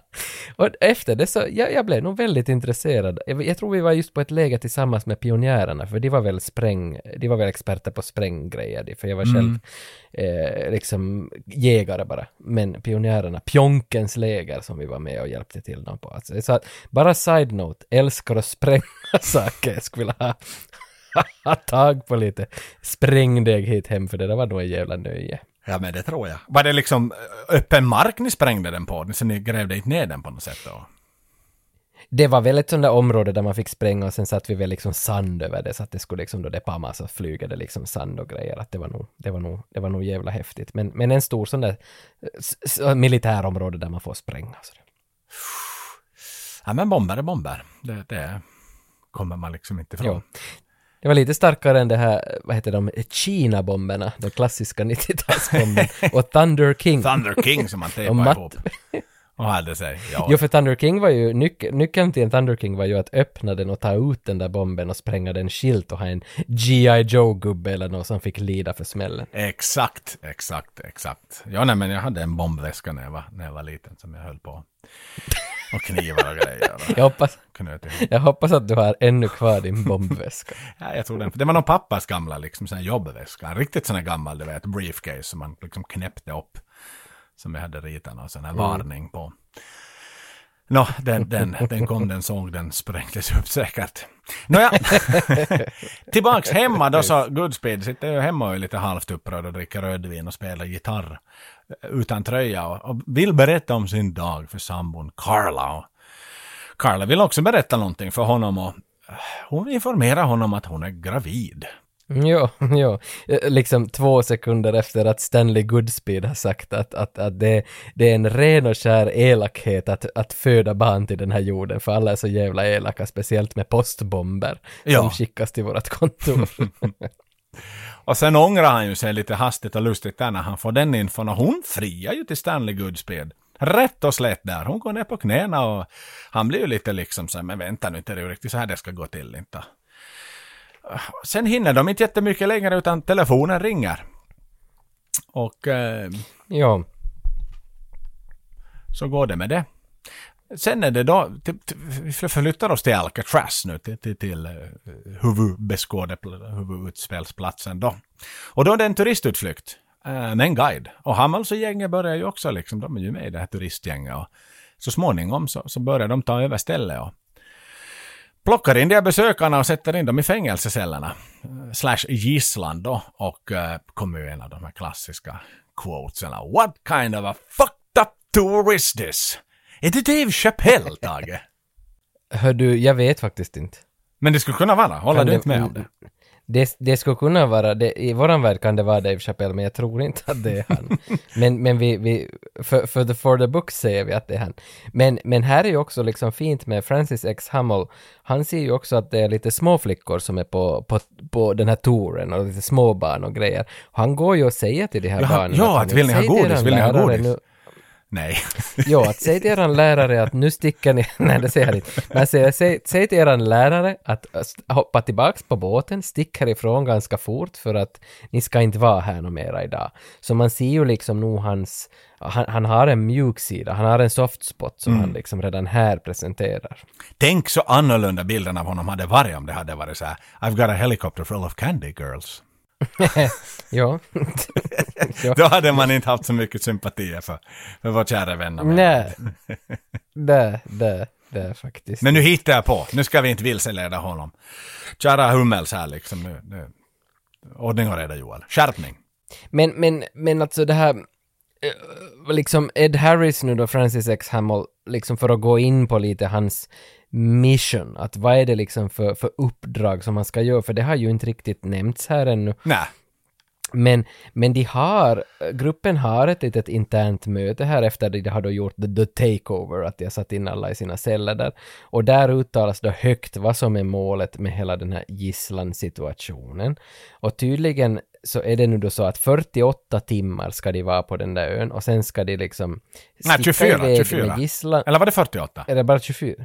Nej, Jag tyckte 48 jag sa kanske. 48 hours. 48. Yeah, Let's Och- agree. Och Eller vi säger det så ska de 36. Liksom, Vi kompromissar. vi säger 36.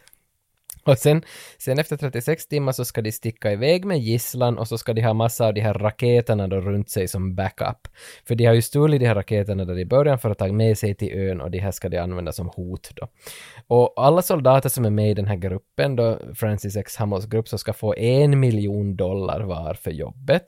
Men Eh, problemet här är nu då att USA kommer att se allihopa som landsförrädare och om du är landsförrädare i USA så är straffet döden.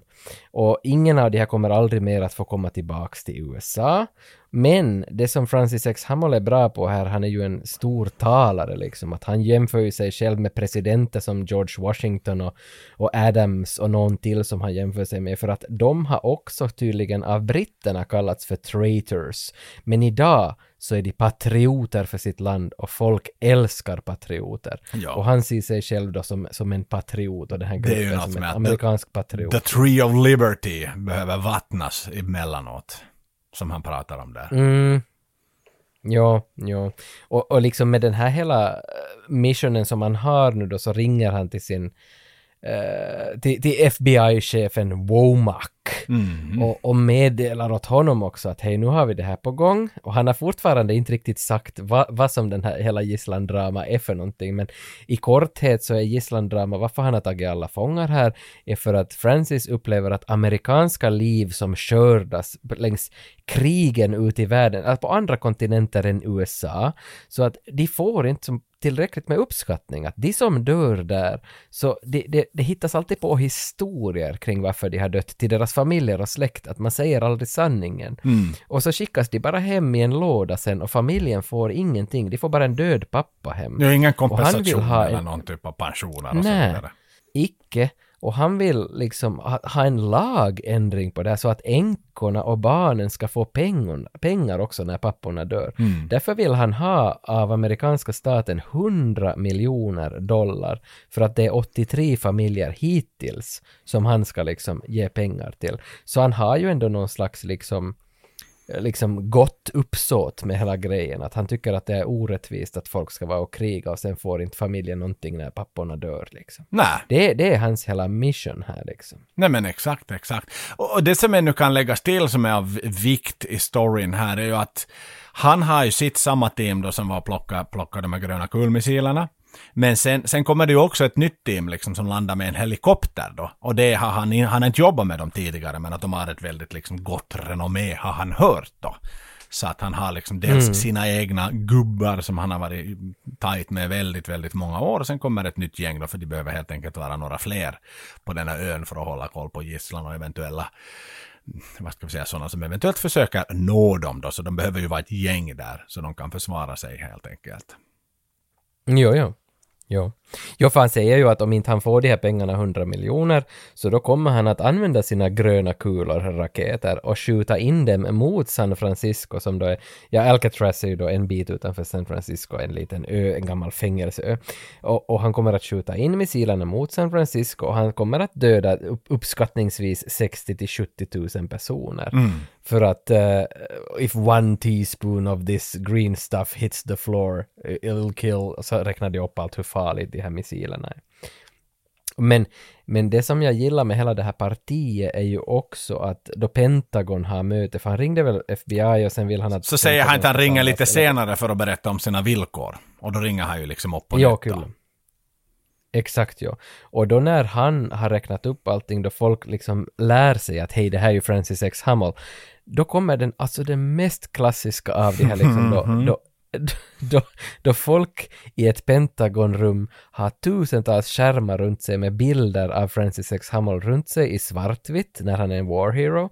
Och så är det någon jävel som ska berätta vet du, three purple stars, three congress medals, cross of Jesus Christ, this man is a hero. Vet du, och det, det här är som, det här återkommer ju alla filmer på 80-talet då de ska bara måla upp hur jävla häftig han är. Men, men här görs det liksom till sin jävla extent. Det är nästan så det svindlar i huvudet liksom. Ja. Hur bra det görs. Ja, men killarna har ju varit överallt i alla konfliktzoner. Vietnam, Trivendo, Panama, Granada, Desert Storm. Liksom han är för fan Mm. varit överallt där det luktar krut killen liksom. Och alltid överlevt och kommit tillbaka. Och fan det där Desert Storm har nog nämnts i många filmer liksom. Ja. Alltså, Och de- speciellt och- i filmer med... Och, och det som gör honom riktigt grinig här att de som då faktiskt dog i Desert Storm, de fick inte ens en goddamn military funeral. Nej, precis, precis. Alltså jag tänker, jag tänker på Michael Dudikoff. Han har varit med i mycket filmer där han har varit en war hero som någon annan har räknat upp hur jävla skicklig han är. Liksom American Ninja. Alltså ja, så, äh, äh, ja, äh, ja, ja, I approve. Det är nog en jävligt stark start på den här filmen. Alltså, för att nu är vi också, jag tycker ändå liksom att de här terms som han sätter, eller inte termsen utan det här syfte som han har med varför han har kidnappat 80 personer och hotar med raketer.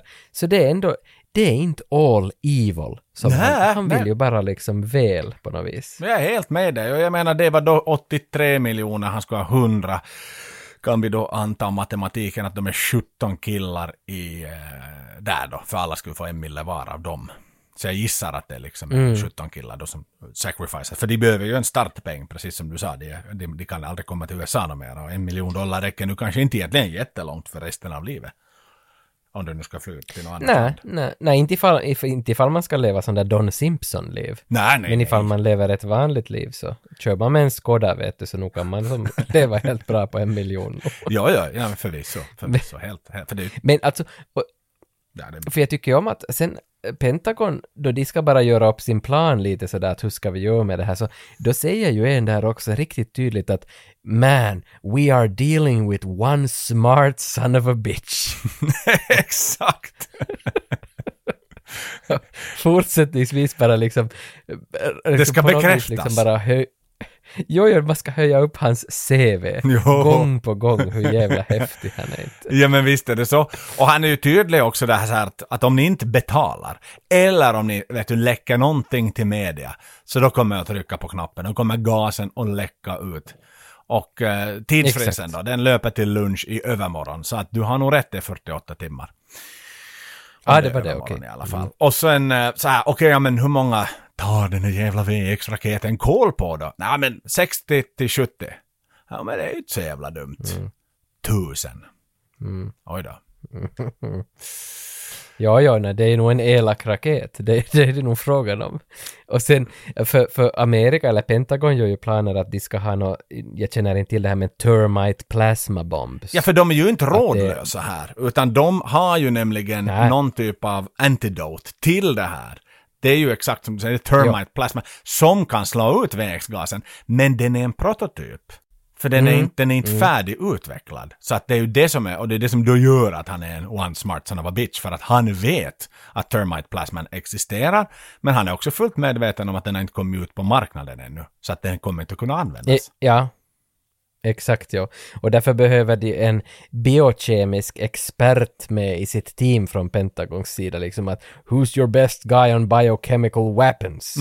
Och då vet vi ju sen tidigare att Stanley Goodspeed är jävla bra på det här med, med kemisk vapenföring. Ja, han Så sitter och knasar han när telefonen ringer. Jo, jo, de måste ringa honom och sen, precis som du säger, han har samlag där med sin, med sin soon to be wife och gravida tjej. Och, och sen måste han, han måste bara, för att han är så plikttrogen, så han måste svara i telefon när det ringer, han måste avbryta hela sexakten och han måste fara till kontoret. Men han tror ju att det är bara någon övning som de ringer åt. Men jag, jag gillar ju att den här Carla, som hans fru heter, att hon blir jättesur för att hon är katolik och gravid och inte gift. Mm. It don't jive, Tage. It Ja. don't jive. Mm, men han säger nu bara att "Nå, det är säkert bara en övning att, att ta, ta en taxi efter mig bara och kom till mitt hotell där inne in i centrum så kan vi gifta oss där på hotellet i natt istället. Mhm. Ja, Så är det. Ja. Tillbaks då på Pentagon igen, i deras liksom situation room, så får vi ju reda på av John Connors biologiska far faktiskt, som, som, som är mannen i fråga här då, också en av Navy Sealsarna. Han har bytt, bytt, bytt roll där. Att det enda sättet att stoppa Hummels banditgäng är att faktiskt fara till Alcatraz och desarmera missilerna. Jo. Att det liksom, inte finns några andra sätt att stoppa honom på. Vi måste vara dit. Inte kommer vi att kunna förhandla till oss det här något mera inte.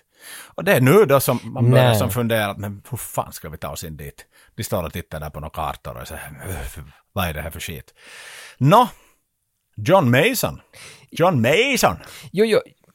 Jo, John Mason, för tydligen så, all, de har ju massa kartor som du säger över, över hela Alcatraz, men alla blueprints är ganska gamla. Och sen dessutom så säger de ju att hela fängelset har byggts om jättemycket under de här åren som det var aktivt. Och there's a fucking maze under there. Och att liksom det är en labyrint, att ingen kan veta hur man tar sig dit. Så ringer de fängelsedirektören som liksom var på 60-talet chef där, han svarar ju inte. Och nej, nej, han, Han han, har är ju död. Ja, han Ja, svarar de ringer inte. alla. Det är så, vittu. de ringer alla vakter som var jobbar där, de är också döda. Men så konstaterar de då att det finns ju faktiskt en kille, en jävla kille, en professional escape artist. Och han lär vara den enda som har flytt från Alcatraz. Och han vet hur man tar sig in eftersom han vet hur man tog sig ut därifrån. Nå ja, men Womack då, uh, Womack och hans någon kollega, jag kan inte riktigt alla namnen på det, men Womack eh, känner FBI-direktören. Ja. Han börjar nog strida med, med någon sin Paxton, ja. Ja, de börjar ju strida att inte fan kan vi ringa till, till John Mason inte. För han finns ju inte. Vi har ju låst innan för, var det 33 år sedan i fängelse och han, han får absolut inte släppas ut i det fria. Nej, nej, nej, nej. Men men sen, sen är det liksom bara, jo de grälar en stund, men sen klipper det till att polisen hämtar ut Sean Connery från fängelse. Mm. Och fy fan vad det är sexiga bilder då de hämtar ut han, vet du, de tänder lampan och slår på hans dörr och, och vet du, det här ljudet från hans uh, handklovar som bara klingar, vet du. Nu ska de ha ut John Mason ur fängelset till världens mest fantastiska musik. Mm. Fy fan vad den där Michael Bay liksom har tummen på pulsen. Ja, men det, är det, det, är att liksom, det presenteras verkligen som att det är en badass som kliver ut ur finkan med sitt långa Jo. och stor kar är han också, bojad både till fötter och till händer liksom det här. You do not fuck with this guy liksom. Det är nästan snudd på Con Air liksom när man släpper ombord de riktiga västingarna ombord på planet där liksom. Stort som bomben. Och de, Womack innan dess hade han ju hämtat Goodspeed med privatplan och han är ju liksom lite så här halvt imponerad. Men vad fan, vi ska ju på övning till San Francisco. Att vänta, så nu hämtar sig med privatplan. här då. Och det är ju då när, "Nå, kan du berätta åt mig, äh, kan du berätta Goodspeed, om, om VX-gasen, vad är det för någonting? Att det är en hemsk gas som uppfanns av misstag, ska det sägas. Det var aldrig meningen att det skulle finnas faktiskt. Nej, men man börjar lite gilla Stanley Goodspeed här också tycker jag när han får förklara vad VX-gas är och att han får liksom berätta hela sin nördfaktabas om vad VX-gas är. Så jag tycker man börjar lite gilla honom att man fattar att den här killen kan biokemiska grejer. Att man, man, man får en sån här likability för honom. Ja, ja, men faktiskt, jag håller med sympatisk filur.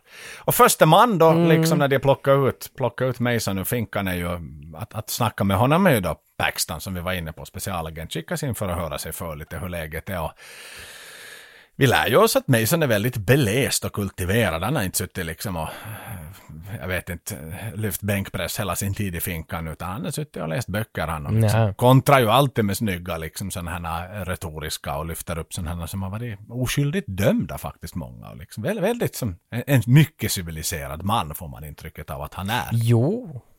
Jo, för han ser ju sig själv också som en oskyldigt dömd man, så han har ju läst på om sådana som är oskyldigt dömda förstås. Mm.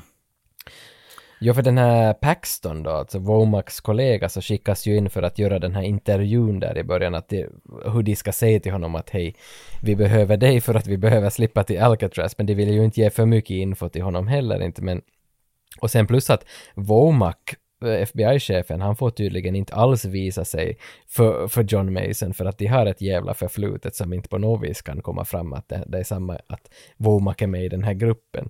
För Womack är väl den typ som spärrar in Mason, så måste det väl vara Mm. på 60-talet då. Jajamän, jajamän, så är det ju.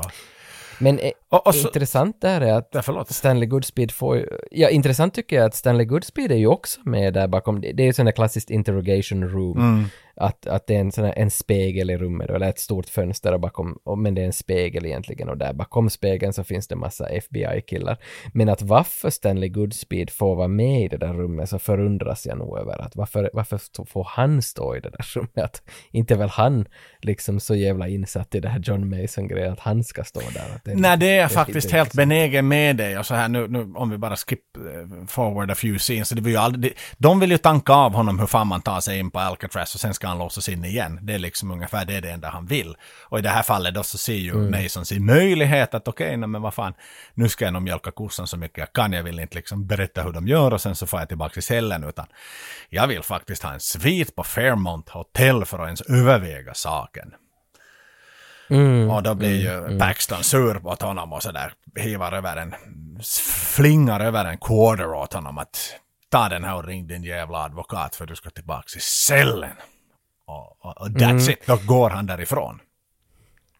Men alltså den här dialogen mellan Paxton och Mason i det där rummet, alltså sju underbar vad häftig dialog, just det här, alltså de här skotska comebacksen som Sean Connery ger tillbaka med humor hela Mm. tiden. Att I'm Paxton, I'm in charge here. In charge of what? Fucking me over for another three decades?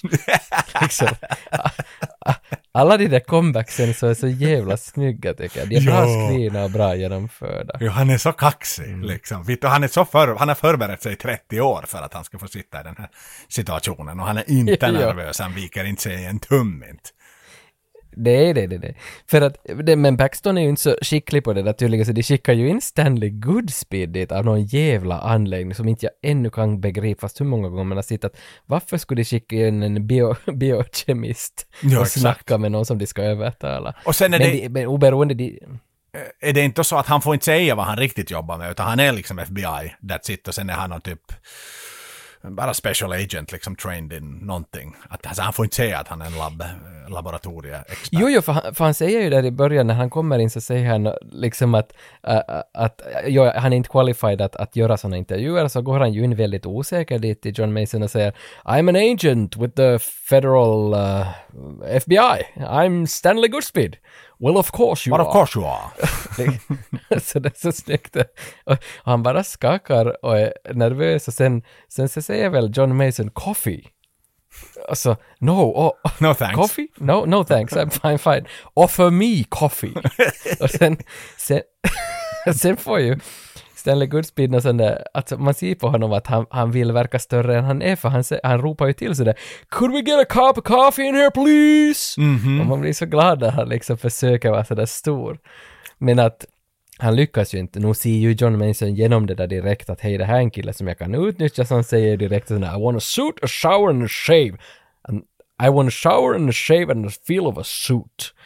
Och sen, sen blir det liksom polare där. May I also suggest a haircut, säger Stanley Goodspeed. Am I out of style? What? Am I out of style?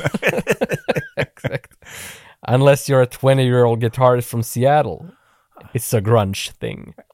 Exakt, exakt. alltså- Nej, det är fantastiskt. Alltså, Och det var liksom sådär, vill han ju av handbojorna också, för det han ju kommer in med de facto, det som du ska få honom att överväga då, att kliva på det här är ju ett benådningsavtal.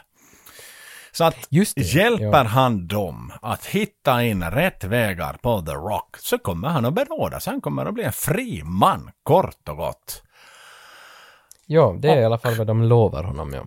Sen frågar han, "Nå, men berätta nu satan varifrån vilken avdelning du är. Ja, men jag kommer från terrorroteln, säger Stanley Goodspeed. Och då säger han, Fairmont Hotel is. Mm. Mm. Och sen då, liksom medan Stanley Goodspeed och Womack står där bakom glaset, Womack, Stanley har gått ut ur rummet, så står de och går igenom lite uppgifter. Att vad de nu ska göra till nästa, hur de ska flytta sig till det där hotellet och sådär, men då ser man ju att Womack liksom river det där jävla kontraktet som de hade skrivit med, med, med Mason där, att inte ska han få någon jävla benådning. inte.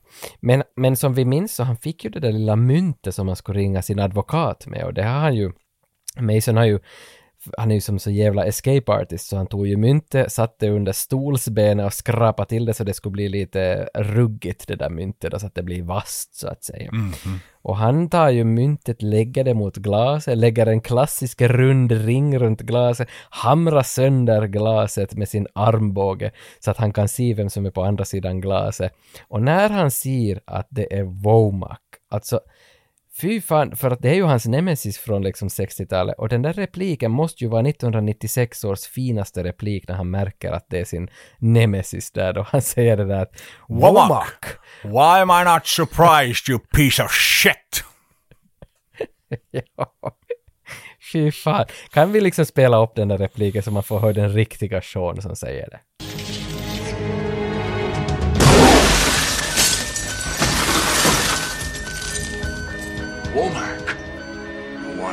Surprised, you piece of shit? Vilken attityd! Vilken attityd, vilken Ja. leverans. Och här kommer ju också, här blir ju likabilityn hos Goodspeed lite bättre också för han, eh, han ifrågasätter ju när, eh, när Womack river sönder det kontraktet. Liksom, vad fan håller du på med? Liksom, jag har ju just sett han fått liksom, Jo, honom jo. att skriva på det. Står du här och river sönder det liksom en minut senare?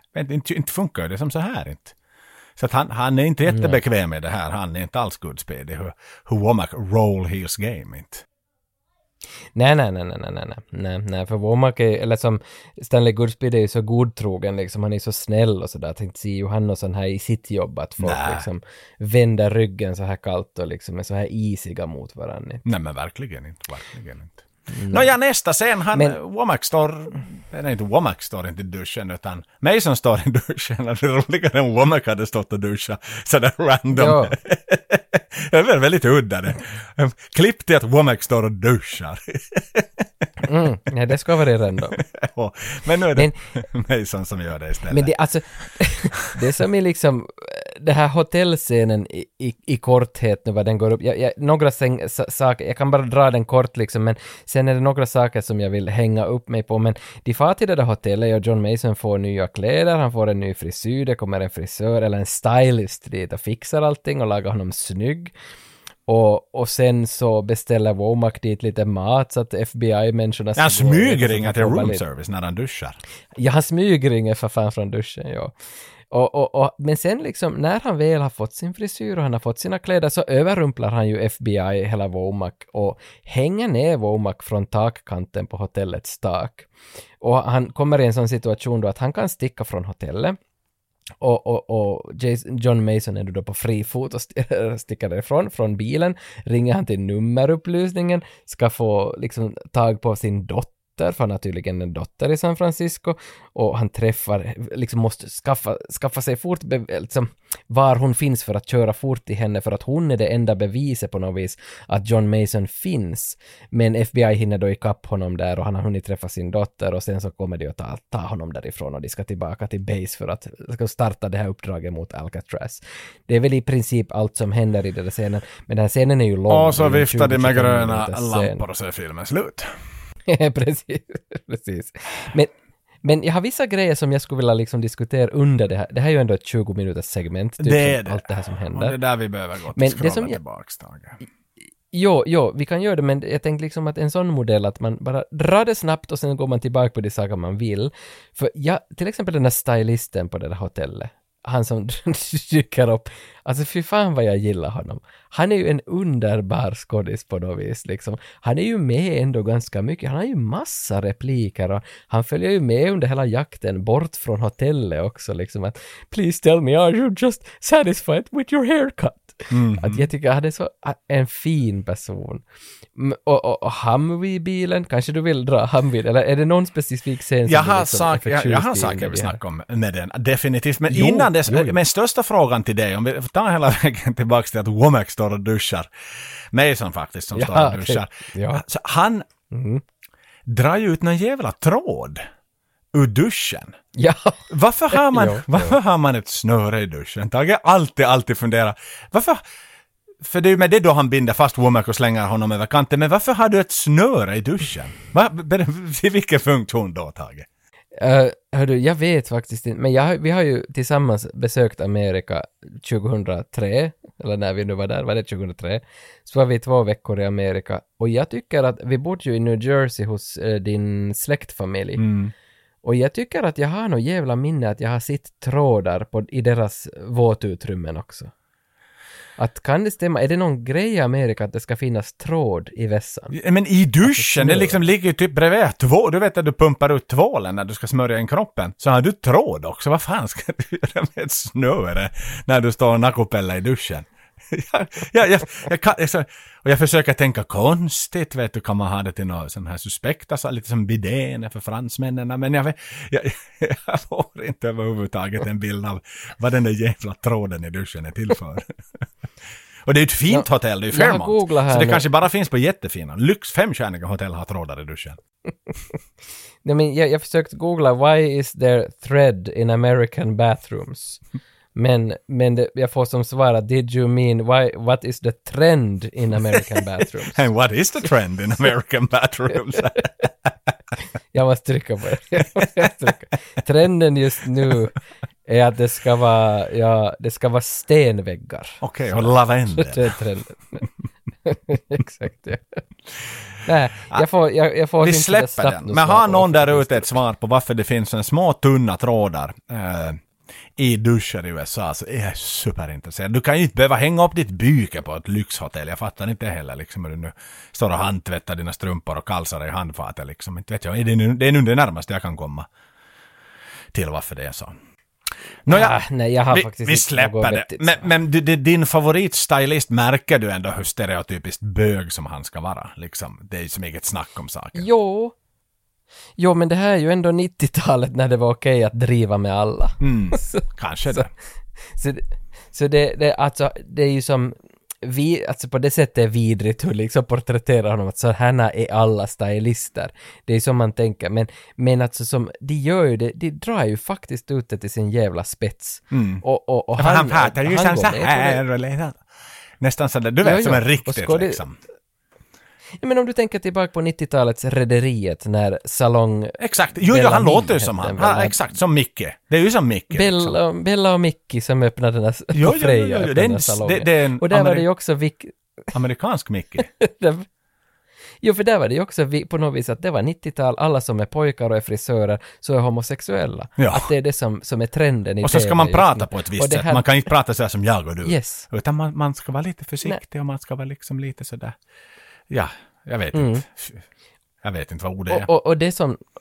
Nej, men det som de gör här, så de drar ju det till sin spets och han, skådisen levererar det jättebra. Han är liksom charmig när han, när han är den där jävla stylist. Det gör han, det gör han. Sen en annan liten detalj då när de drar upp Womack då med den här duschtråden som han har kastats ner från balkongen så kommer ut till en klassisk The Rock-kommentar av honom. Han är inte på gott humör. Då, Watch it you fuckhead, you gotta pull my arm out!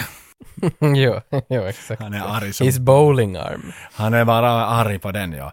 Nåja, du berättar redan då han rusar eh, genom hotellet med Godspeed hack i häl på hotellparkeringen från Mason då tagit första bästa bil, en Humvee. Och Goodspeed då är, är honom riktigt i hälarna så han plockar nästa bil som rullar upp där på den här valet-parkingen. En gul Ferrari, en F355 Spider för er som är jätteintresserade av det.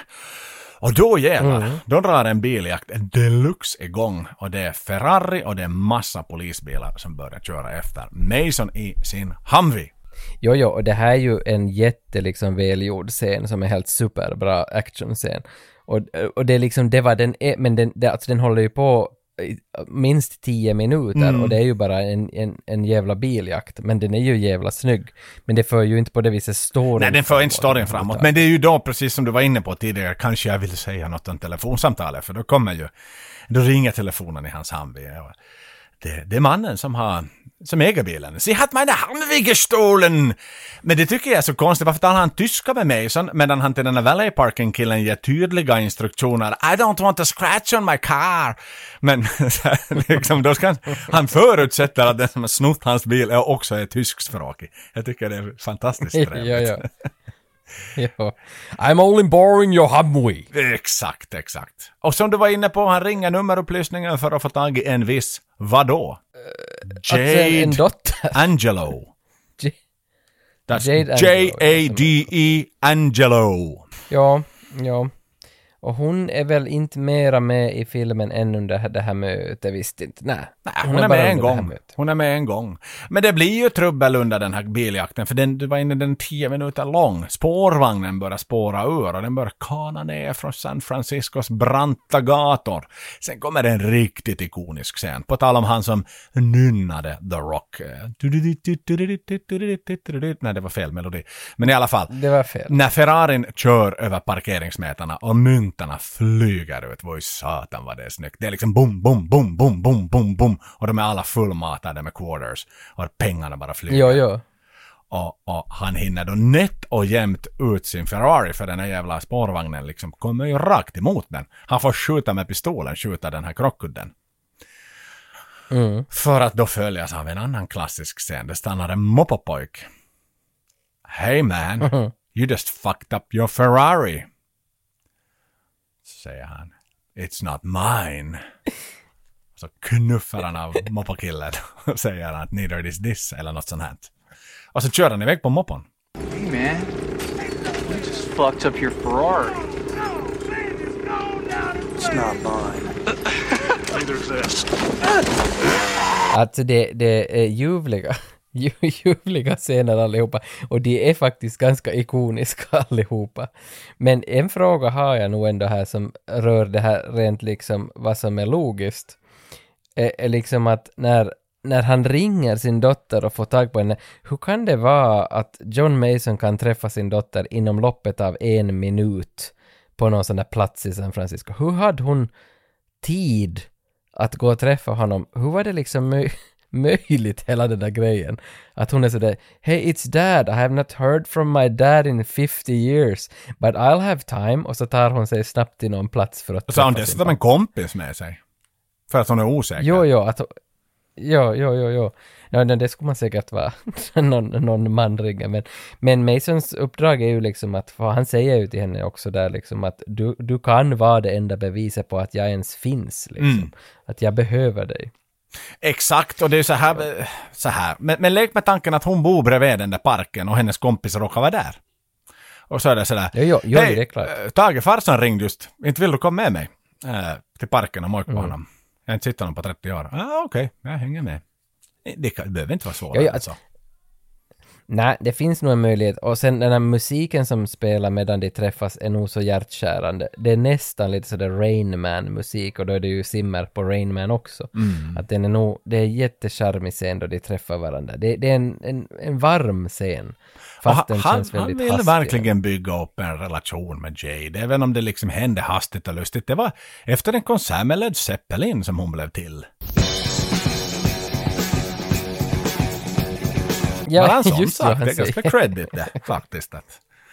Där steg John Mason lite. Han gillar Led Zeppelin uppenbarligen. Han har sett Bonham live på den tiden han ännu var i liv. Så all ära åt, åt, åt, åt hans musikval. Fanns inte det där Led Zeppelin-konsertgrejen också med i de här James Bond-teorierna på något vis? Att Led Zeppelins musik släpptes just då när James Bond gick i pension och Exakt. skaffade sitt första barn. det fanns någon sån här grej. Jajamän, det stämmer väl det. Nåja, sirenerna börjar höras när de sitter där på bänken och hon börjar ju räkna ut att jaha, är, är de ute efter dig nu igen pappa här och Sen kommer Goodspeed då, Goodspeed som han de facto är och räddar honom och säger att hördu, Mason jobbar med oss. Ja, jo, han räddar honom men var på John Mason blir förstås glad att tack för att du inte skämde ut mig för min dotter men men sen blir ju nog ändå Stanley Goodspeed jättearg på mig så att varför i helvete måste du sticka härifrån och tack för att du slog mig på käften liksom att my jaw hurts like hell och Mm. grejer att, så att nu, är han, nu är han ju sur på honom men han, han förstod ju att det var ett, ett, ett liksom prekärt moment att han hade med sin dotter här han har ju för fan suttit inne i en cell i 30 år här också. Ja, ja, kan Så han hade ju, han hade ju lite mänsklighet där också. Mm, absolut, absolut. Nåja, tillbaks då på FBI's kommandocentral, då går liksom de här Tactical Navy SEAL Ops igenom kartorna tillsammans med Mason då som de har fångat in och, och, och vi lär oss ju att Nå, berätta nu Mason, får du in där, får du in där, hur får du in, var det den här vägen, hur gjorde du där? Hördu, inte kan jag se på de här kartorna och göra någonting, inte jag har, allt ligger i huvudet mitt, jag har memorerat allting, jag har alla sekunder, alla hur jag skulle rulla, hur många varv. Så att, eh, inte, inte kan jag göra något annat än att jag måste gå med er. Ja, ja, tydligen, för inte visste ju han att han ska komma med dit, men tydligen så säger han ju själv att han skulle nästan måste komma med ungefär. Och det blir ju också lite tumult att inte fan kan vi släppa en sån här konvikt med på det här uppdraget inte, men, men det blir ju så att han måste ju för fan vara med, för varför, varför skulle han känna till några blueprints av det? Inte har han ju aldrig sett dem där inte. Mm. Och i samma skede får ju också Stanley Goodspeed veta att han borde ju nog också komma med, för han är ju den enda som vet hur man ska diffusa sådana här bomber, fast han aldrig har sett de här raketerna och de här bomberna. Nej, att men han vet inte hur gasen funkar, andra liksom. Jo, jo, så att han får ju också veta att han borde ju också komma med till ön. Mm. Och inte hade ju han räknat med det, han skulle ju bara vara en kille i, i, i liksom det här command center han och säga till åt Navy Seals hur de ska göra, men, Ja, men nu han måste ju han tycker också... inte att det är jättetjolajban han inte. Han går ju på vässan och han nej, börjar spy. han kastar ju upp Ja. Jo, jo, för att han får ju vrålångest säkert liksom, Mm. eller en panikattack. Ja, men liksom. Carla kommer ju satan, hon är på väg hit nu liksom, vad fan. Jo, jo, fan hon är ju gravid och att jag kan ju inte fara och dö till den här ön jag nu inte. Nej, nej han har total ångest. Mm, men, men- de skulle ta hand om henne, FBI i alla fall lovade liksom att Nej men det, det, det, det, Mm. behöver du inte fundera på. Vi, vi, vi hittar, vi hittar Carla och tar hand om henne vi. Jo, jo. Sen det är ju ganska läng- längs med filmen är det ganska ofta som det kommer de här tidsstämplarna liksom 24 hours to deadline och 15 Mm. hours to deadline och sånt här. Och, och nu får vi en av de här 15 timmar kvar till deadline och deadline i det här skedet betyder väl att då när 100 miljoner ska betalas in åt Ed Harris annars skjuter han missiler på San Francisco. Och, och det är 15 timmar nu kvar tills deadlinen och hela det här SEAL-teamet tillsammans med John Mason och Stanley Goodspeed, de rycker ut. Nu flyger de iväg till The Rock-musiken och helikoptrarna som ska få sig över till den här Alcatraz-ön och den är fullt lastad med massa dykare, häftiga jetskis som åker under vatten, jag vet inte vad de heter, det är någon scuba Och innan vi är liksom hela vägen under vattnet så tänker jag så här, för här kommer ju faktiskt äh, pappan då till, till John Connor och håller ett jävla peptalk. We're in the fight for our life. Against maybe the greatest battalion commander in the Vietnam War, I shit you not. Any questions? Slow down! Och är det vackert nu? Nu är det liksom heroiskt, Alltså det episkt jag har stort. goosebumps bara nu.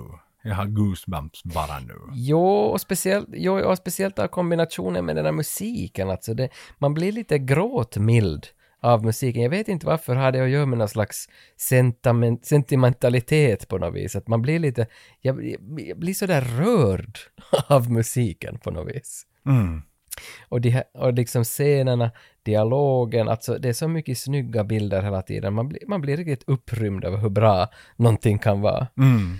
Men Nåja, men, Men- innan de hoppar i sjön då, så de får ju ett litet kit med sig då som de ska liksom använda sig av. Och när hotet väl är avvärjt, då ska de tända gröna bengaler och vifta, för då vet alla att okej, vara ohi, saken är förbi. Och sen får de också med sig bensin, tändstickor och atropin ifall de kommer att behöva. Det är det där som vi i början lärde oss, att man ska sticka rakt i hjärtat för att det ska hjälpa oss. Mm.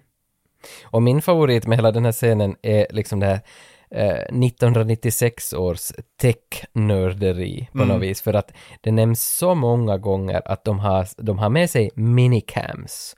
Och det är många som säger “Are the minicams ready?” Ja. “Yes, the minicams Det är are ready”. jättemycket snack om sen, minicams. Så säger nästa... Har du Jo, jo, så säger nästa liksom att Jo, jo, the, the minicams are now operational. Ja. Och så klipper man till, till sådana små kameror som de har på sina dräkter, det här SEAL-teamet, och de sätter på dem och man klipper också till att visa att det kommer en bild från en så här liten kamera, så kan det komma en bild till vårt command center. Ja, så här och minicams nämns Jo, jo, jo. Och minicams nämns säkert fyra eller fem gånger, för det här jag noterar det också. inte. Det är, jätte, det är ett buzzword of the day där på FBI med, med minicams. Ja, de har just ja, fått liksom årets julklapp.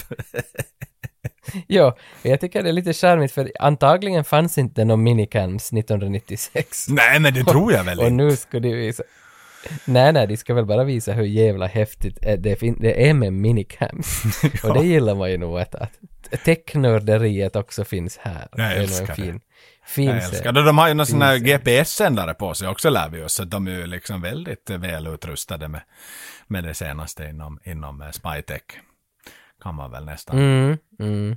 nästan tro. det. Och det är ju också här då i helikoptern så han, nu börjar han ju märka här att inte Goodspeed någon jävla antiterrorsnut han inte utan han är nog någonting helt annat och han, han liksom blir ju arg på honom att you better not fuck up and get us all killed eller någonting sånt här som man säger åt honom. i alla fall. Mm.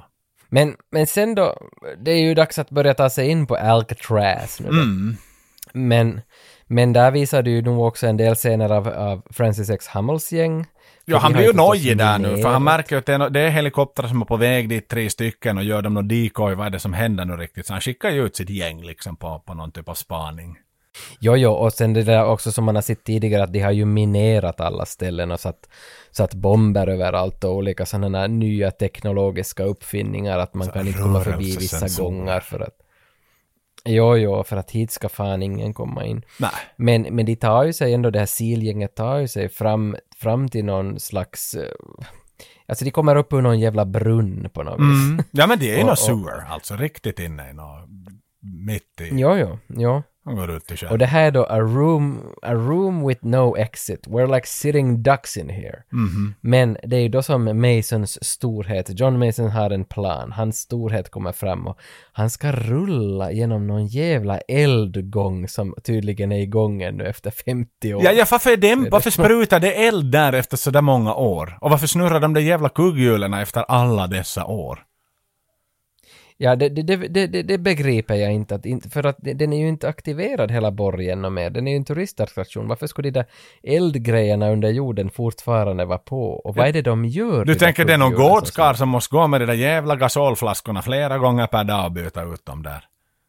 Jo, jo, jo, det, det, är det är sant. Men, men det ser ju i alla fall jävla coolt ut. Ja, ja, det är han ju då ska liksom, i alla fall. Att det är där som han har räknat och memorized liksom hur de här kugghjulen rullar hur elden Det sprutar. är då någon av dem är seals också när han då snurrar igenom där. Where'd you find this guy? Liksom, han är väldigt imponerad över hans Mm. liksom, hur han så smidigt bara rullar där För- igenom. Ja, för han måste ju ta sig igenom den här eldtunneln för att kunna öppna dörren in till själva Alcatraz-byggnaden då så att säga.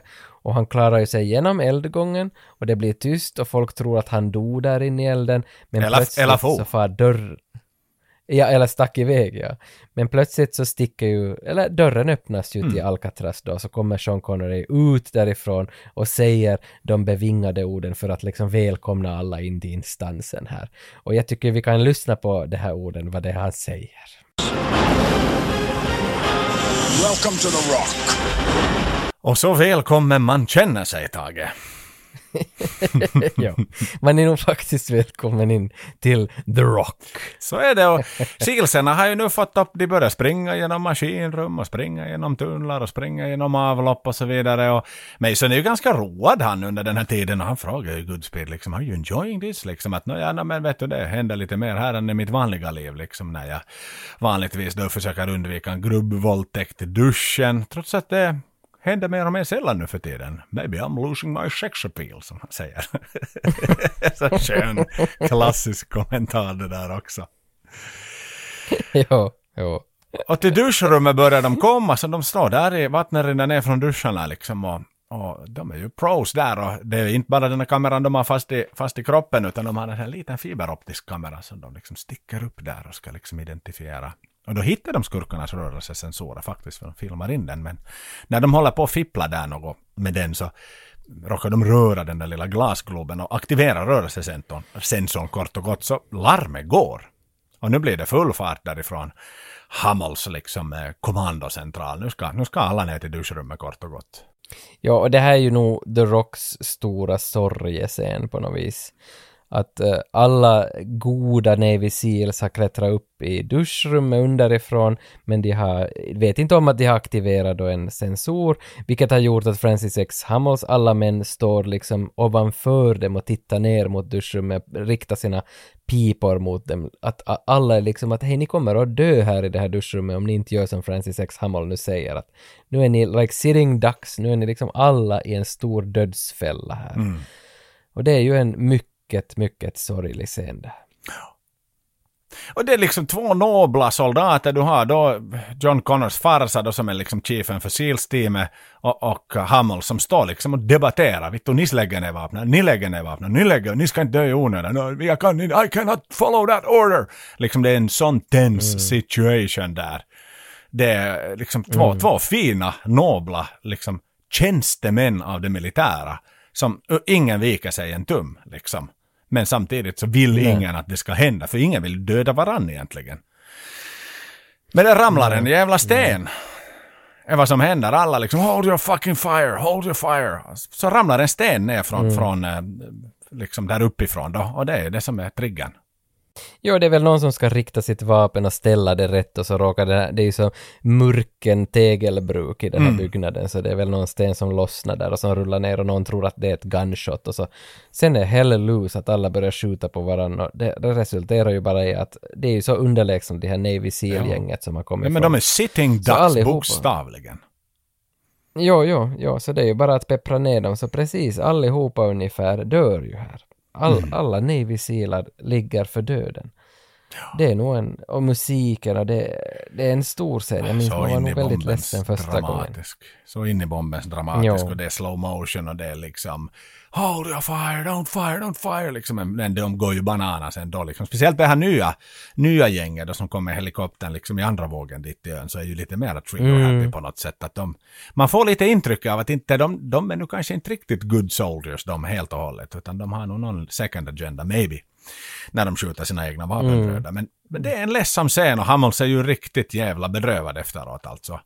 Han, han tycker fan inte att det här var någonting som var roligt, det här inte. Nej, nej, nej. Nej, det är tråkigt, men inte har ju alla dött. Det finns ju tre killar där nere. Det är John Mason, Stanley Goodspeed och en, en soldat kvar där nere. Och den där soldaten blir ju så ivrig att han tror att han ska gå dit upp och rädda allihopa, men han kommer ju upp och blir skjuten direkt han också. Så de enda som överlever det här är ju då Stanley Goodspeed och John Mason som är kvar där nere under duschrummet i gången. Mm. Och, och, det... och inser att jaha. Mm -hmm det märker ju också för de märker ju att de här prickarna liksom slutar röra sig och, och han säger ju en av de här videokam, vad heter de där kamerorna Tage?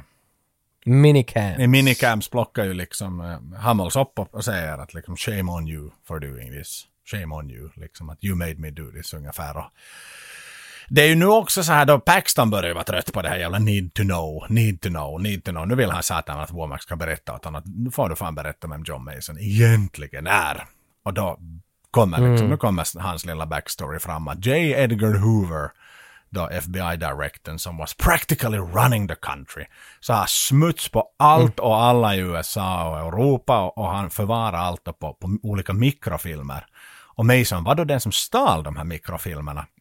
Men han greps då sedermera Mm. vid, vid kanadensiska gränsen och britterna såklart så förnekar all kännedom om hur med, om Mason och, och amerikanerna kunde ju inte göra någonting för de där filmerna existerar ju egentligen inte som Hoover hade utan allt de kunde göra egentligen var att låsa in honom till fånga tills han skulle berätta vad han har gömt de där filmerna för att han hade ju inte dem på sig utan han hade satt dem någonstans och de vill ju få fram det ur honom men han berättar ju aldrig det uppenbarligen. Så det här är ju då 30 år senare. Han har knipit käften i not a peep after 30 years.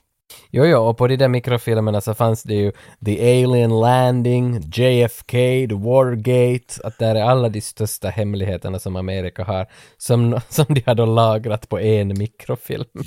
så det, är lite, USB-minnet. smått- smått Jo, jo, att här finns alla hemligheter. Mm. Men, men, men nu är det ju klart att John Mason har ju den här filmen och han har inte gett tillbaka den, han har gömt den någonstans.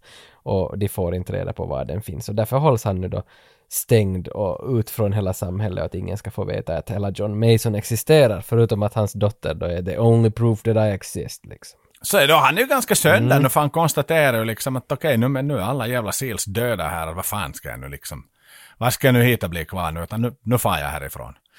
Det fick vara, det fick vara bra för mig nu. Goodspeed dör ju liksom, men vänta nu har jag fortfarande ett jobb att göra här att, no, vittu, du får ju Mm. ta bössan din och stoppa honom, att han har, men han har vapen, ja men du har, vad har du då, en vattenpistol satan.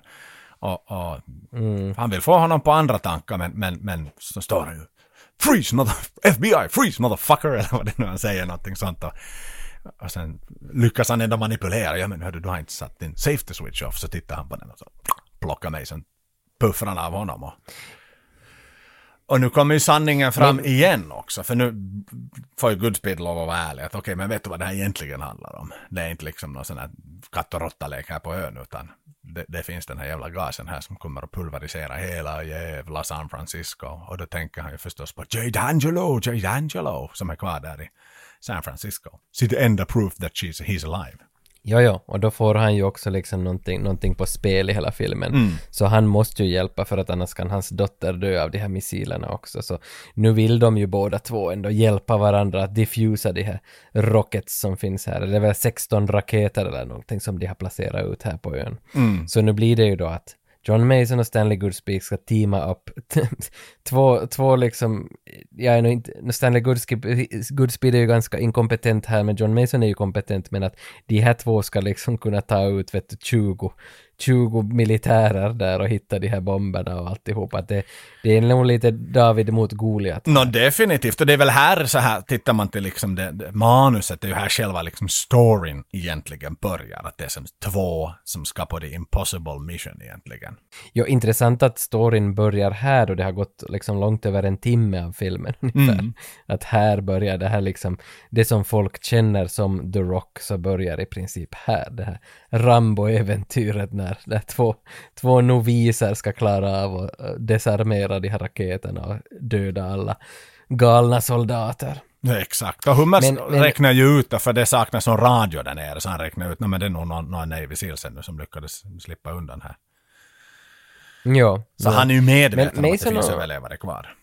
Han är nog medveten, ja, det är han. Och Mason och Stanley, så nu, nu fortsätter ju storyn då egentligen och de, de går ju i de här gångarna under Alcatraz och bara babblar och håller på och käftar som allt möjligt. Och det är ju då som Francis X. Hummels män hör dem genom nå jag vet inte, är det från någon mikrofon? Nej, vet, nej de, hör, de lyssnar väl på de här ventilerna eller liknande. Mm. De hör, hör att det finns två killar där nere och då blir det det här flash, flush em out och burn em out, vet du, att de börjar kasta ner bomber i, i brunnarna för att de vet att de ligger någonstans där under i, i de här katakomberna så finns det två slag. killarna. Jo, jo, det blir någon slags katt och råtta-lek, att nu bränner vi upp de där råttorna där nere. Mm. Men, men de lyckas ju inte utan det är ganska häftiga scener hur de tar sig undan de här eldarna men, men de tar sig i alla fall fram till de första missilerna som är utplacerade. Och innan Det så är det ju här då, för, för då, då återuppbygger de ju förtroendet igen liksom. Så Mason ger ju tillbaks pistolen till Goodspeed. Som han just plockat just av honom. Och det är då han frågar liksom att nå, är du redo för vad som komma skall? Och det är då, då Goodspeed svarar tillbaka att han ska göra sitt bästa. Det är då mig som blir Mm. Men vad menar han med skeptisk. sitt bästa? Ja, det blir jag ska göra mitt bästa och mig som blir skeptisk. Do your best. Losers always whine about doing their best. Winners go home and fuck the prom queen.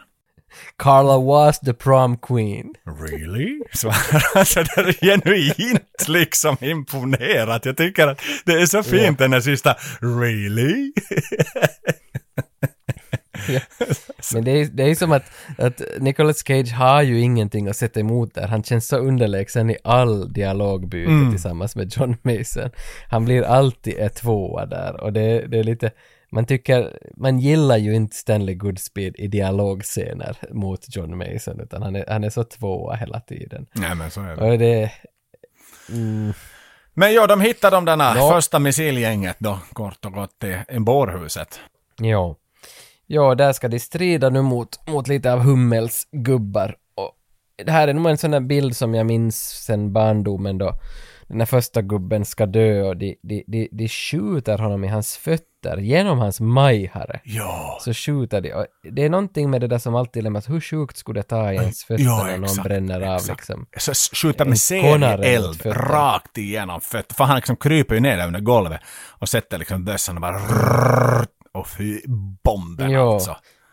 Så han säckar ju bara Och ihop. sen är nu Jo, jo, och sen är nu att när han ligger där så skjuter väl är det John Mason på något slags kylaggregat som hänger i taket. Exakt, för han ska kasta en granat på dem. För han är ju liksom, han kan ju inte röra sig. Men då är det så här, ut, eller så ska han ju liksom, nå fan här ska ni få en jävla granat era jävla idioter. Och då märker han, ja men då börjar han peppra på det där fläkten eller vad fan det nu är där som han kastar. Eh, Mm. Skjuter Och på. fläkten ramlar ner i huvudet på honom. Ja, mosar honom. Och, och, och det är då de hittar de där missilerna då liksom. Och han, han sprattlar på den där killen som ligger under den där fläkten liksom. Och Goodspeed som aldrig har sett Mm. något sånt där. Att är, det, är det liksom... Är det meningen att de ska hålla på så här liksom? Ja, no, det händer, säger. Och, Kan du göra något åt det då? säger Goodspeed. Ja. What do you mean? Kill him again? ja. igen. De 1-0 fortsätter- igen åt de- Eller 3-0 kanske nu åt Mason. Ja, de fortsätter med den här, vad ska man säga, det är ju någon slags liksom komisk dialog mellan döden. Ja. Som, som de, det, det känns lite som smått otrovärdig dialog. Men, men det är alltid den här som de, som de kör på den här jargongen. Exakt, men sen kommer Men det där, would you like to cut me some slack, because this is the most serious thing ever, bla bla bla, liksom. Och då fattar han ju att okej, okej. Han ska ju hålla i de där gröna Mm. kulorna där, Mason bland annat, och han är jävla nervös när han står liksom och darrar med dem där. Och, för det, och då, får, då får ju Mason, Mason har ju på något vis också mött sin överman inom biokemi då Ja, också. så där är Att han ju under. Mason får ju lite, jo jo, han får, eh, det känns som att han ger ju, eller han får, han bygger upp lite respekt för Nicolas Cage där också. Att det, det blir ju liksom att du kan det där och jag kan det här. Att det blir nog som är mer av ett, fast det är ganska omaka par men de har samma mål och de blir ganska tillsammans ändå här liksom. Att man ser att de kan var sin grej. Ja men det är ju då de börjar bli lite som i MTV Awards, liksom on-screen couple på något sätt. Nu är det ju som tag-teamet här att du har Goodspeed som är expert Mm. på det de faktiskt är där för att göra. Han vet hur man plockar bort chippen, han vet hur man hanterar de här gröna kulorna. Och sen har du då liksom the muscles and the guns and the brains på något sätt i, i hela det här tactical operations. Det är ju Mason då som... Så att de har ju som, de kompletterar ju varandra väldigt väl. Jo, jo. Jo, jo. Jo, jo. Men Francis X. Hummel märker ju sen att, att i sina walkie-talkies att ingen svarar något mera där i, i The Morgue, i bårhuset. Så att det blir ju som sådär tumult att vad är det som har hänt i bårhuset och där hade ju fått ut chippen och de här första missilerna. Så Francis X. Hammond skickar ju dit sina bästa män vet du, springer ner dit och kollar vad som är läge. Och det är då som eh, Stanley Goodspeed och John Mason hoppar i några jävla gruvvagnar likt Indiana Jones äventyr som också finns under Alcatraz då och hoppar på de här och så glider de iväg liksom på några jävla tågspår under själva fängelset. Och här finns en så fin replik som, som innan de liksom kommer till det här riktigt stora actionäventyret att Mason, are you alright? Yes! Perfectly okay you fucking idiot!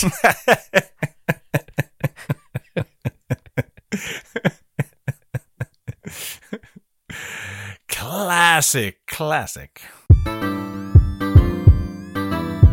Neråt och neråt och neråt går den där jävla gruvvagnen och rälsen den tar hastigt och lustigt slut. Mm. Go- Godspeed lyckas ju kravla sig fast i, någon häng, i den där hängande tvättvagnen men Mason han ligger liksom tvinnad i något snöre där ner nedanför den där trasiga rälsen. Mm.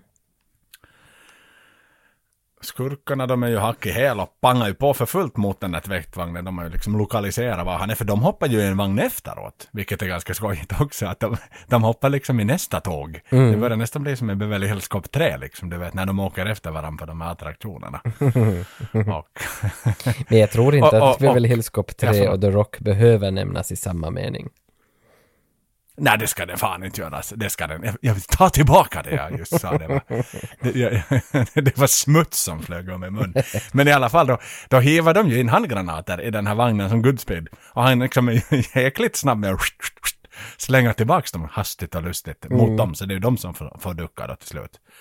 Och sen så, så får han ju, han, den stannar ju still där, men han får nog lite fart på den igen så den börjar liksom, men, men då åker de ju efter igen. Och, men Mason liksom lyckas övermanna, så han kommer upp i skurkarnas vagn, hivar ut den ena och så blir det något slagsmål där i den där vagnen då mellan Mason och en av de här skurkarna då. Mm.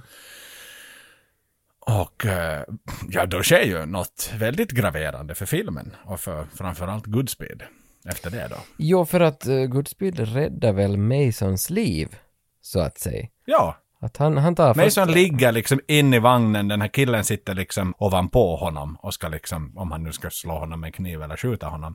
Mm. Så, uh, Goodspeed, aim and fire, kort och gott. Jo, det, det här är väl egentligen första skottet som, som Stanley Goodspeed också skjuter sen han var in the academy liksom. Att han har ju inte skjutit några pistoler på fältet, så det här är ju ett stort Nej, för, för han, för. Womack frågar ju honom då tidigare att Have you ever fired that thing since the academy? Då när han ber om att få en bössa.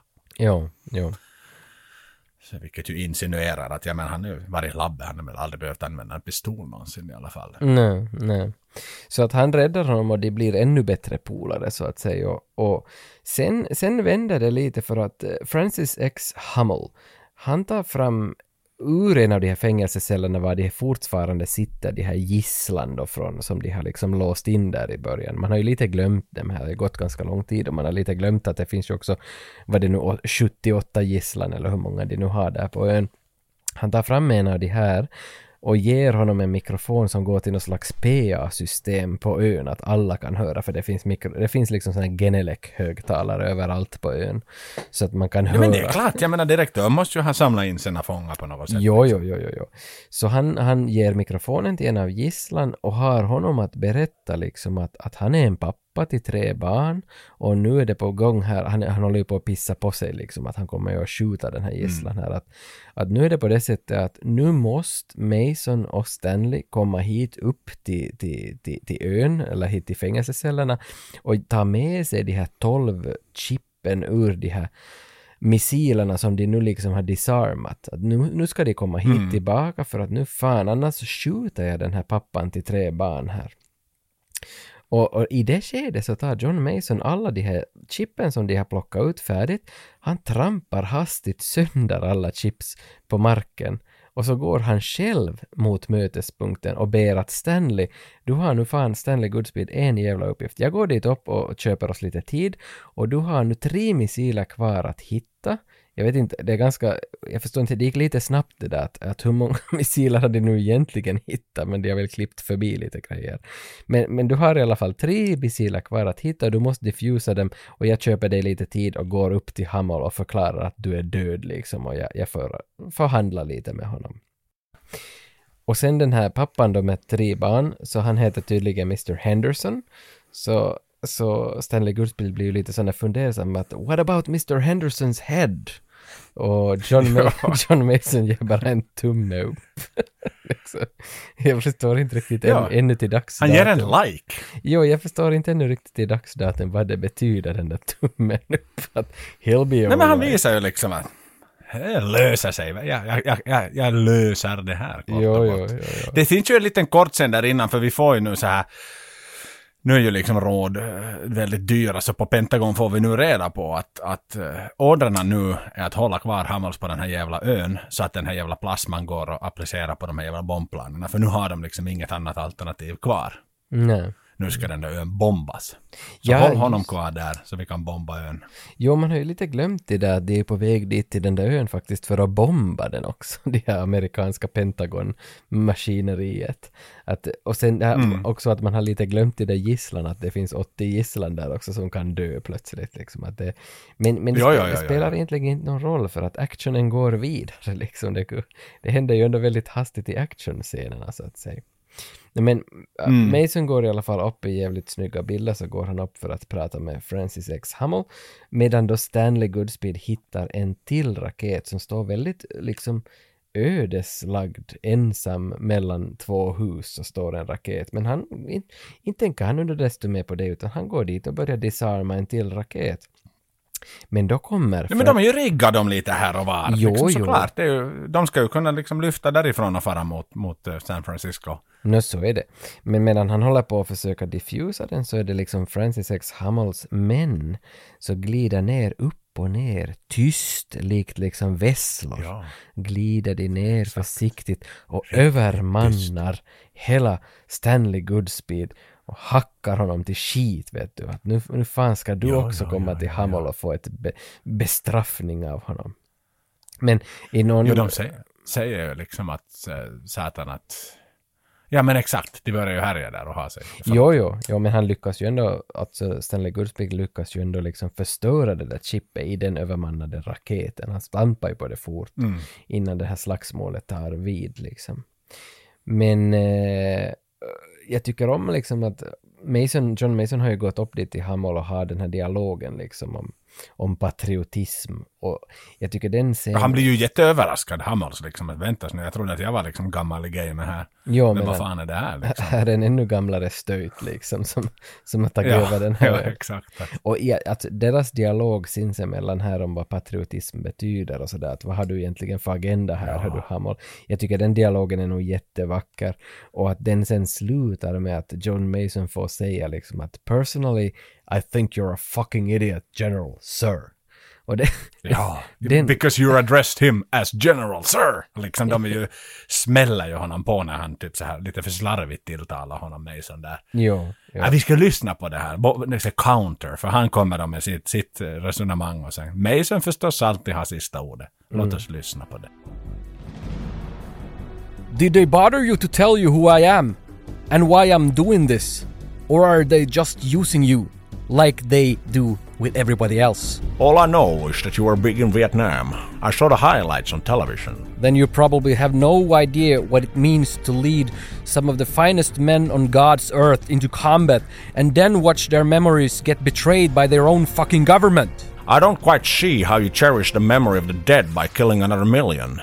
And this is not combat, it's an act of lunacy, General, sir. Personally, I think you're a fucking idiot. The tree of liberty must be refreshed from time to time with the blood of patriots and tyrants. Thomas Jefferson. Patriotism is a virtue of the vicious, according to Oscar Wilde. Thank you for making my point. Where are the guidance chips? Where are the guidance chips? I've destroyed them. That was a bad move, soldier. Så Hammels tappar ju tålamodet och smäller till Mason här och, och, och det är ju i samma veva nu så blir ju Godspeed också fast. För han, han är ju på väg då upp till någon sån här fyr för att plocka liksom nästa raket och då är det ju två killar som övermannar honom där och I'm gonna take pleasure in gutting you boy. jag tänkte But the boss kom- wants you. Jag tänkte just kom till det där I'll take pleasure in gutting you boy. För det är nog en replik som jag minns från barndomen också. Att, att, Jo, det minns jag också. Jag älskar den. Jag älskar den så mycket. Så in i bomb, det är av de coolaste fanen i hela filmen och kanske på hela 90-talet. Jo, för att Mason och Stanley så de, de slängs ju i varsin cell. Eh, och, och, och medan de ligger i den där cellen så håller ju Stanley Goodspeed hela tiden på att upprepa den där repliken att I'll take pleasure in Ja. gutting you boy. Who are these people? liksom att de, de, han börjar liksom analysera att de har inte fått tillräckligt mycket kärlek som barn ungefär. nej, nej, precis. Eh, och sen den enda saken som Stanley Goodspeed undrar är ju att hur i helvete John Mason jag, jag kan förstå att du tog dig ut genom tunnlarna och hur du gjorde på 60-talet, att du tog allt det här men hur i, i helvete tog du dig ut genom din egen cell? Att det är ju helt omöjligt att komma ut från cellen. Och med, de ligger ju olika celler på olika våningar, men ingen är ju där så de kan ju prata högt med varandra. Så Ja, medan han, han... säger nog “How in the Zeus butthole did you?” Och det är bara en sån här liten anekdot för filmen, för han, han ville, han, han skrev om manuset där faktiskt, Cage, han ville inte att uh, Goodspeed skulle svära någonsin i filmen. Så det stod ju någonting annat, how, “How the fuck did you get out of the jail cell?” Men, men då var det “Zeus butthole” istället, liksom. det skulle vara lite så snällt. Jo, Det jo. vara lite ha, ha, Hallmark TV som det väl kallas i USA. Mm, mm. Men det, det är nog som en charmig scen då de ligger i varsin cell, eller då han ligger på golvet i sin cell och frågar, medan då John Mason håller på liksom, han har väl tagit någon re, han, nej han har väl tagit sin, Ja, något tross står han ju där och hivar och ringer. jo med, för han liksom, rev väl sönder, han rev väl sönder sina lakan på sängen där i cellen och lagade till ett rep och så kapplade han fast någon slags tross som han liksom snurrar runt och kastar försöker träffa någon sån här handtag eller öppningshandtag som ligger längre ner i gången för att då liksom Mm. riva till för att få upp dörren och han, han misslyckas ju en gång eller två och får upp fel dörrar så att säga men till slut så lyckas han ju öppna sin egen dörr allt då medan Stanley Goodspeed fortsätter hålla sin monolog om, om hur dåliga Ja. människor Francis X. Hammons agenter är. Ja, för han är ju gett upp här vid det här laget. jo, jo. Han tror ju inte längre att de har någon chans mer. Utan han var så här, aha, satan, vi var så jävla nära. Men nåja, fuck it. Fuck this whole shit. Men, men sen från det här så, så han får upp dörren ju och han släpper ut Stanley Goodspeed och han blir helt sådär paff att hur i helvete fick du upp de där dörrarna? It's a trick of the trades eller vad han nu säger någonting. Ja, nej, han säger trade secrets my son. Trade secrets. Underbar. My son. Jag älskar det där liksom. Ja, det är så han fint. Han liksom, Han har blivit hans pappa nu här liksom. ja, ja, ja, men han får ju uppfostra honom med allt. jo, jo. Och tillbaks nu till de här numera väl extremt liksom viktiga scenerna på Pentagon. Nu är termitplasman operativ. Och nu får piloterna instruktioner att bomba hela jävla ön. Det är dags nu. Nu behöver de inte sitta och vänta något mer. Ja, och i samma skede som det där så börjar ju det här Francis X. Hammonds killar bli lite otåliga. De vill ju för fan, de har ju bara två raketer kvar som har chippen i sig som kan liksom ta sig in till San Francisco och döda de här människorna. Så de börjar bli otåliga och liksom det börjar uppstå lite stridigheter. Att de vill ju för fan skjuta iväg de här missilerna, mi- uh, show them that you mean allvar liksom. Att inte, in, inte, inte du Francis, någon sån där som man leker med. Vi för fan skjut iväg döda människor nu. Men om vi tar en sekund bara och reflekterar över den här termitplastan. För att så här, det, eh, tiden började ta slut. Det var 48 timmar, låt oss säga det. Och, och, och hans första samtal kom alltså två dygn innan. Då var, det, då var han en smart son of a bitch för att alla visste att den här termitplastan, den var, liksom tillba- den var på skolbänken ännu. Liksom. Det var långt ifrån att den här skulle kunna användas. De här liksom 48 timmarna. Och nu, nu är den plötsligt liksom redo liksom att limmas fast i en missil på ett F16-plan. Alltså, jag ställer mig frågan liksom. Antingen har de goddamn good scientists liksom som, som fan pojkar, ni får en miljon extra månader det här året. Om, om ni lyckas lösa det här på 30 timmar. Men vet du, den bara wobblar ut och den börjar brinna för tidigt och vet du, den, den, den funkar inte alls. Det är liksom som en sån här det är som en mattare, som, som stubinen far men det smallar inte liksom. En mattare. Så en, en jävla fart fick de ju att få den här termite plasma operational liksom. Att, från att bara vara en pappersprodukt ungefär. Mm, mm, jo, jo, jo. Så att det är spännande liksom. att Varenda klipp, du vet, liksom tillbaks till Pentagon huvudkontoret, då hade den liksom något tio steg framåt i sin utvecklingsfas. Jo, jo. Och nu är den hux flux liksom redo att användas sådär. Skicka den till Ukraina nu för fan, liksom låt dem använda den på ryssarna ungefär. Att, Jo, jo, men någonting- vänta nu, det får ju vara Exakt. en idé först liksom. På Någonting som ändå liksom skulle kunna ta på riktigt liksom två år att få operational, men där får jag på tio men nu har det timmar. tagit 48, ja, 47 timmar kanske då. Så här, ja, ja, men vet du, den är fast timmar på flygplanen nu. Så Mm. jag bara far iväg nu. Mm, mm. Ja, Så men, det kan man ställa sig frågan. men Mason och Stanley har då tagit sig ut på fältet. De är ju bort från sina celler nu. Mm. Men där är ganska sådär nu att John Mason vill ju hem nu. Han har fått fan nog av den här jävla ön nu. Nu har inte han något att hämta här något mer, så han ska gå hem. Ja, nu är han så här, än en gång är han jävligt sönder liksom. Jo, jo. Så men de går väl, det är väl här som de går skilda vägar alltså? Radarparet går skilda för vägar. han säger ju att, att för, för, för han kan ju läsa situationer. Uh, Mason säger att Hammels kommer inte göra det. Jag sa det i hans ögon. Han är en soldat, han är inte en mördare. Jo. Och, och, och, och Goodspeed blir ju skeptisk. Hur fan kan du liksom, hur fan kan du veta det? det din jävla liksom manliga intuition liksom. I, I don't trust that for much liksom. Det, it's not the pennyworth liksom. Mm, mm, mm.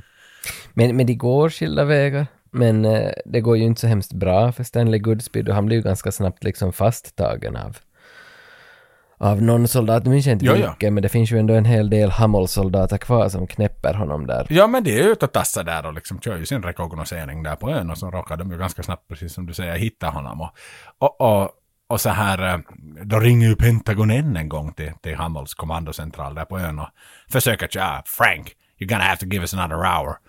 Och sen så kommer ju liksom, då den här ena, vad heter han, täta killen, han den här uh, Captain Darrow tror jag han heter. Mm. Som, They're playing you for a fool, general. jo, ja, exakt. Liksom, Han är nog bra, han är bra skådis. Han är jävligt bra. Han är så inne i bomben. Så jag Jo. älskar honom. Han är, han är the best of the bad guys faktiskt.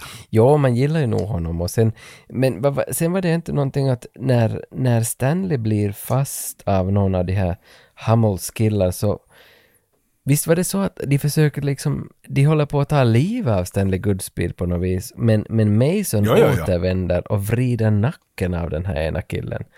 Än en gång är han tillbaks. Jo, och då hans säger han liksom- Andra gången hittills. För han säger orden att I decided I didn't want your unborn child to grow up without a father. Någon sån, här, Exakt. någon sån här grej, för att han har också kommit till insikt att, att ett barn behöver nog sin pappa, så jag vrider nacken av den här som håller på att döda dig. Och in the meantime, okej, fucking hell, han liksom lyssnar på... Uh, Hammels lyssnar på Captain Darrow, så han ger ju order om att skjuta. Jo, De går och preppar i ordning liksom allting. De, de har någon squad som står där bredvid missilen och programmerar in någonting. Och den går 300 knop rakt mot en fotbollsmatch i Oakland. Men sen ser man att Hammel sitter och, med sin egen lilla dator och justerar om någonting. Så han programmerar ju om hela missilen. Så att jo. liksom, jo, för nu har men den där åkningen över den där football game stadium var ju bomben vad det snyggt liksom.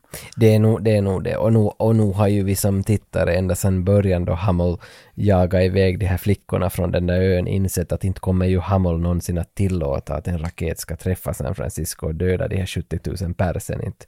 Utan, Nej, aldrig i livet. Nej, inte, inte han aldrig varit, han har var, han använt det bara som ett hot hela tiden.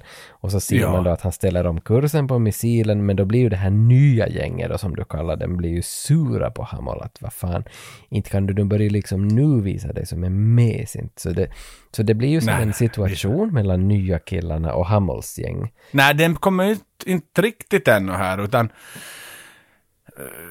Ja, eller ja, jo det ju... jag men- jag menar bara att det blir en ny Jo, situation ja. så det är filosofiskt mellan alla, för att det som uppstår här är ju någon slags myteri. Att, att, att, Ja, att ja, de ja, men du har helt rätt. Jo, att de här nya De killarna... tappar tålamodet på sin chef. Jo, jo, att inte kan det här få vara våran, våran chef som inte är tillräckligt man enough att döda det som han har lovat att han ska döda då inte han har fått sina pengar i tid, så att säga. Så att, så att det, Exakt, och då märker för det är ju då man märker att han har ju sin liksom närmaste ally, Major Baxter, som är hans liksom, han, som han har servat med väldigt länge, han som är med i Green Mile, alltså David Jo, Morse. jo. heter han då skådespelaren. Så han är ju så här med, Vittu, nu ringer vi Pentagon och nu ber vi om lite mera tid. eh, Så att vi får våra jävla stålar. Och uh, Hammel säger så där, nej, du ringer inte dem, sätt ner telefonen. Och så har han ju så här tre liksom, I'm, I'm asking as a friend. I'm, I'm asking you as a överordnad. And I'm asking you as a man with a gun, liksom, to put that fucking phone down, liksom ungefär. Jo, Och, jo. eh, Mm. Jo, för att både Baxter, eller inte heter han Baxter, vad heter han? David Morse? David Morse, Major Tom Baxter. Ja, det är Baxter, okej. Jo, för Max, Baxter och Hummel så blir ju också, som, som, som du säger, det blir ju också i strid, att fast det är närmaste män. Men här kommer det nog fram då att Hummel, han säger ju tydligt att jag är fan inte redo att döda så här mycket folk. Det var aldrig min plan. Det skulle vara bara ett hot det här hela tiden. Och då får ju publiken Exakt. också som varma känslor för Francis X. Hamill, att han är ju, han är ju inte så här evil som, som de här andra. Nej, han är en soldier, through and through, en, liksom, en good guy, en soldier. Han, han, det sista han vill är att folk ska dö, men han vill att liksom, operationerna ska lyckas. Och igen, han är där av en jävla anledning att de som inte har fått någon kompensation ska få en kompensation och ett erkännande. En bloody military funeral. Liksom. Att fan, de är dött för sitt land och de har bort, blivit bortglömda.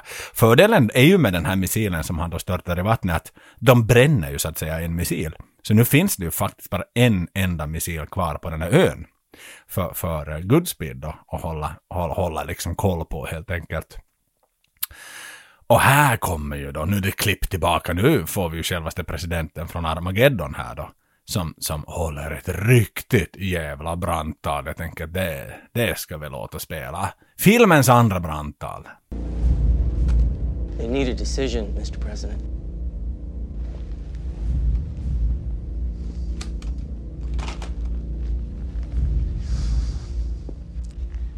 These past few hours have been the longest, darkest of my life. How does one weigh human life? One million civilians against 81 hostages. And in the middle, Frank Hummel. That we have ignored, abandoned, or marginalized a great soldier like Frank Hummel.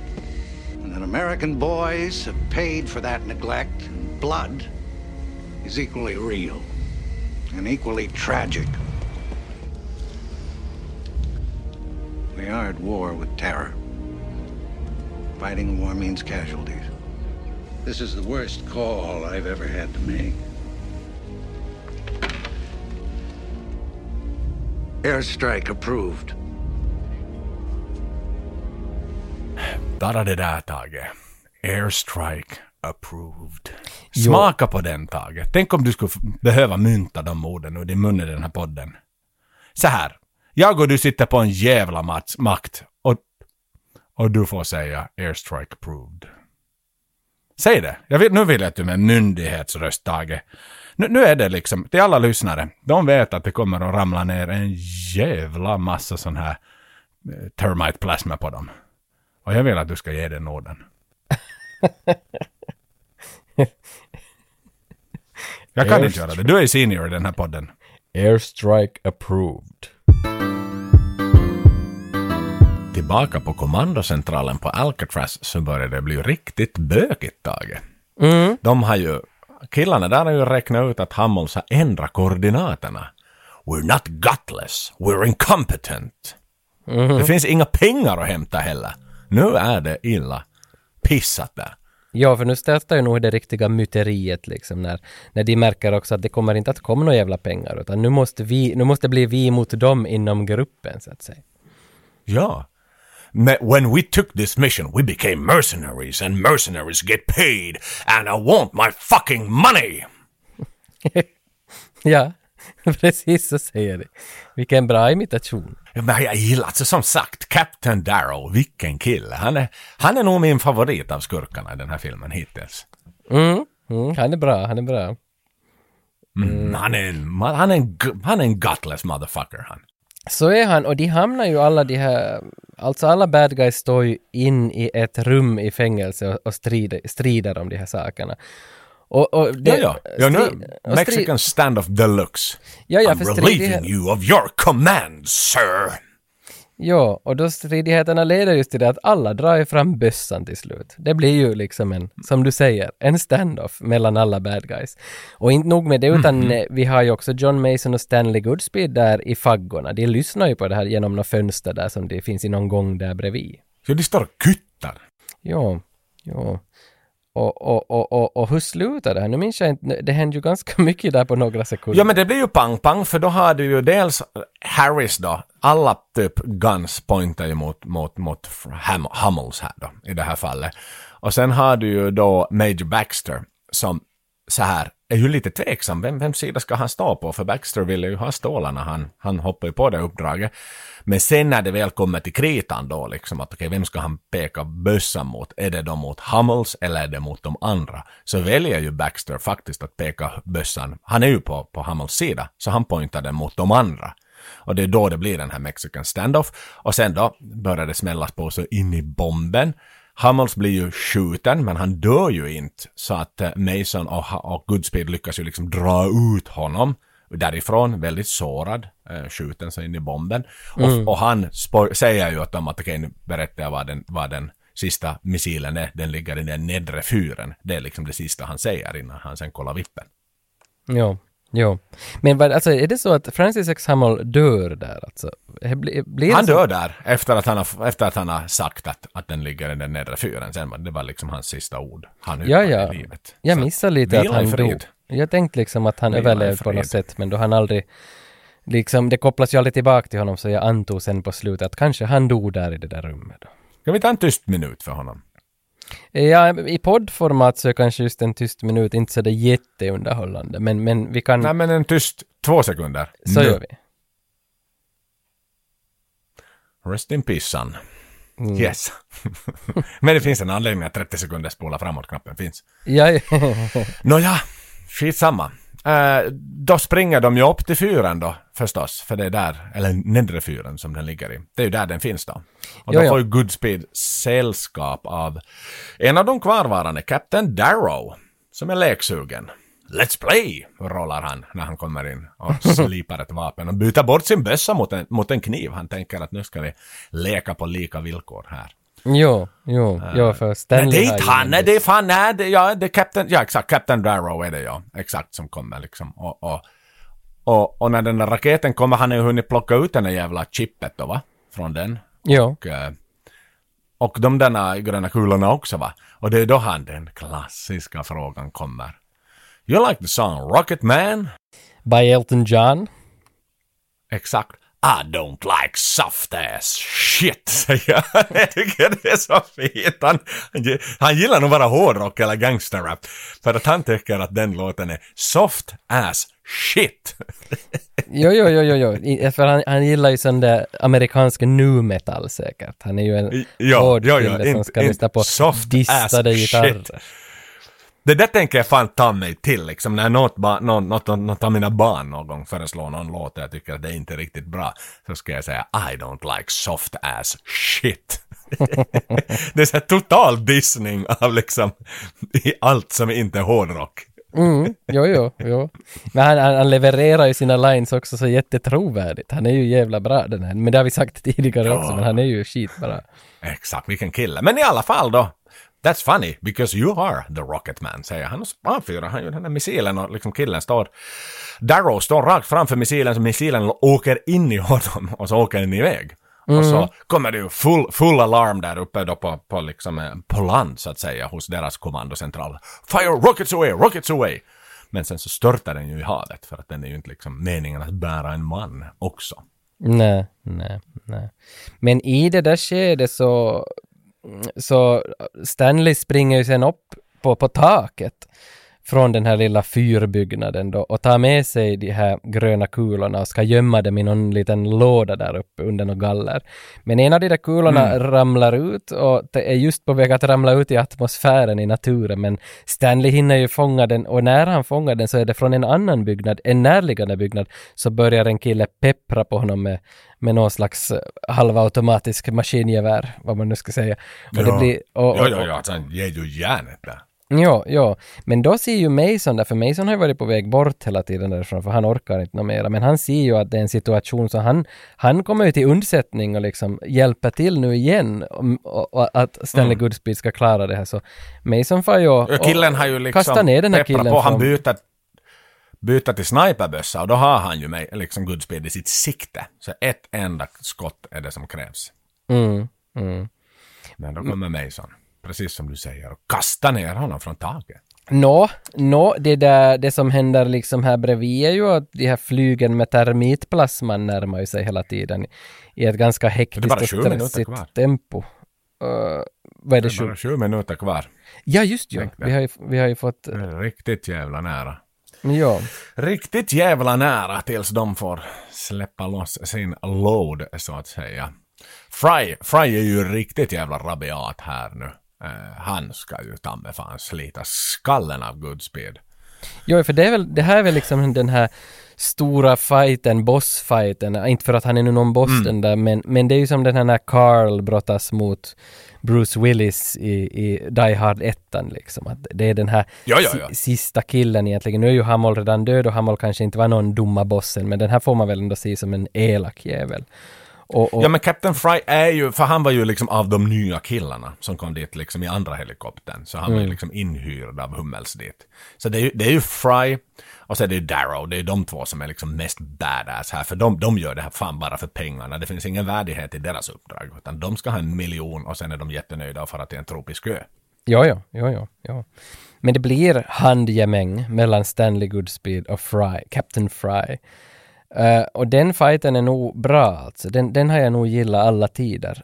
Eh, liksom hu- hur den är upplagd och den är ganska spännande. Och, eh, Stanley Goodspeed ligger ju hela tiden lite i underläge också för att han är ju ingen fighter. Men, men, men hur det ändå kommer sig är att, är att han får ju, alltså Stanley har ju den här ena kulan i fickan, den här ena gröna kulan som han tänkt tappa. Så Ju finns sin bröstficka satt han den av alla ställen. Jo, där kan den ju Det är klämmas risky sönder. business det. Ja, Ja, den- jävla risky business det liksom. Det är som att, det är som att försöka gå från butiken när du har varit och handlat ett Kinderägg och välja att sätta den i jeansfickan, Kinderägg, och förvänta dig att Kinderägget ska vara helt när du är hemma igen. Ja, lite grann ja.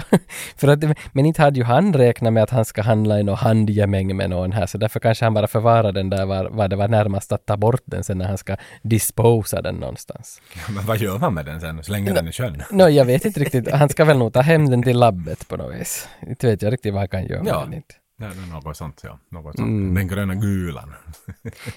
Men, men i alla fall så, så blir det ju till den där fina scenen att han, han vräker in den i käften på Captain Fry.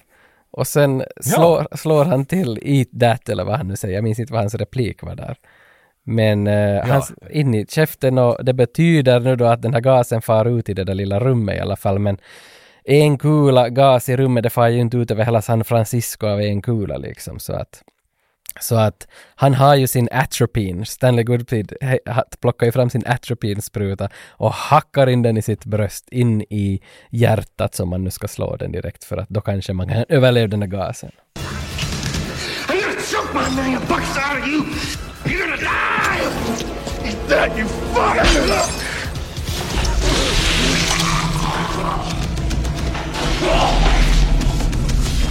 Ja, det är väldigt dramatisk scen måste jag säga. Liksom, en kille får äta gröna kulor och den andra liksom får, får ge en spruta åt sig själv. Det, det händer extremt mycket på väldigt få sekunder här och båda kunde tekniskt sett dö väldigt snabbt här. Ja, ja.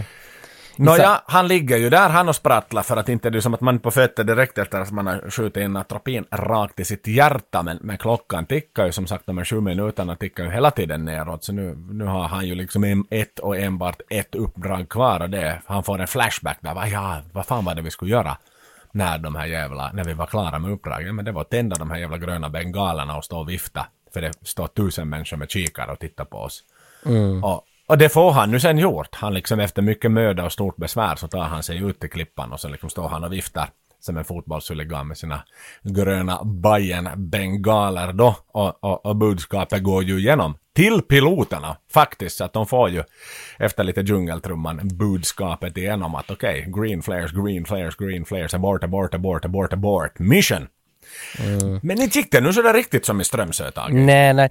I already dropped one bomb! Eller vad han nu ropar den där ena. Alltså, han hade ju släppt Mm. en av de där termitplasmabomberna från det där flyget. Men som tur så for den ju inte rakt på huvudbyggnaden där alla skulle ha strykt med utan det it only hit the back of the island eller något liknande vad han säger. Så att det, ja, exakt. det blir Just ju inga casualties. inte fanns.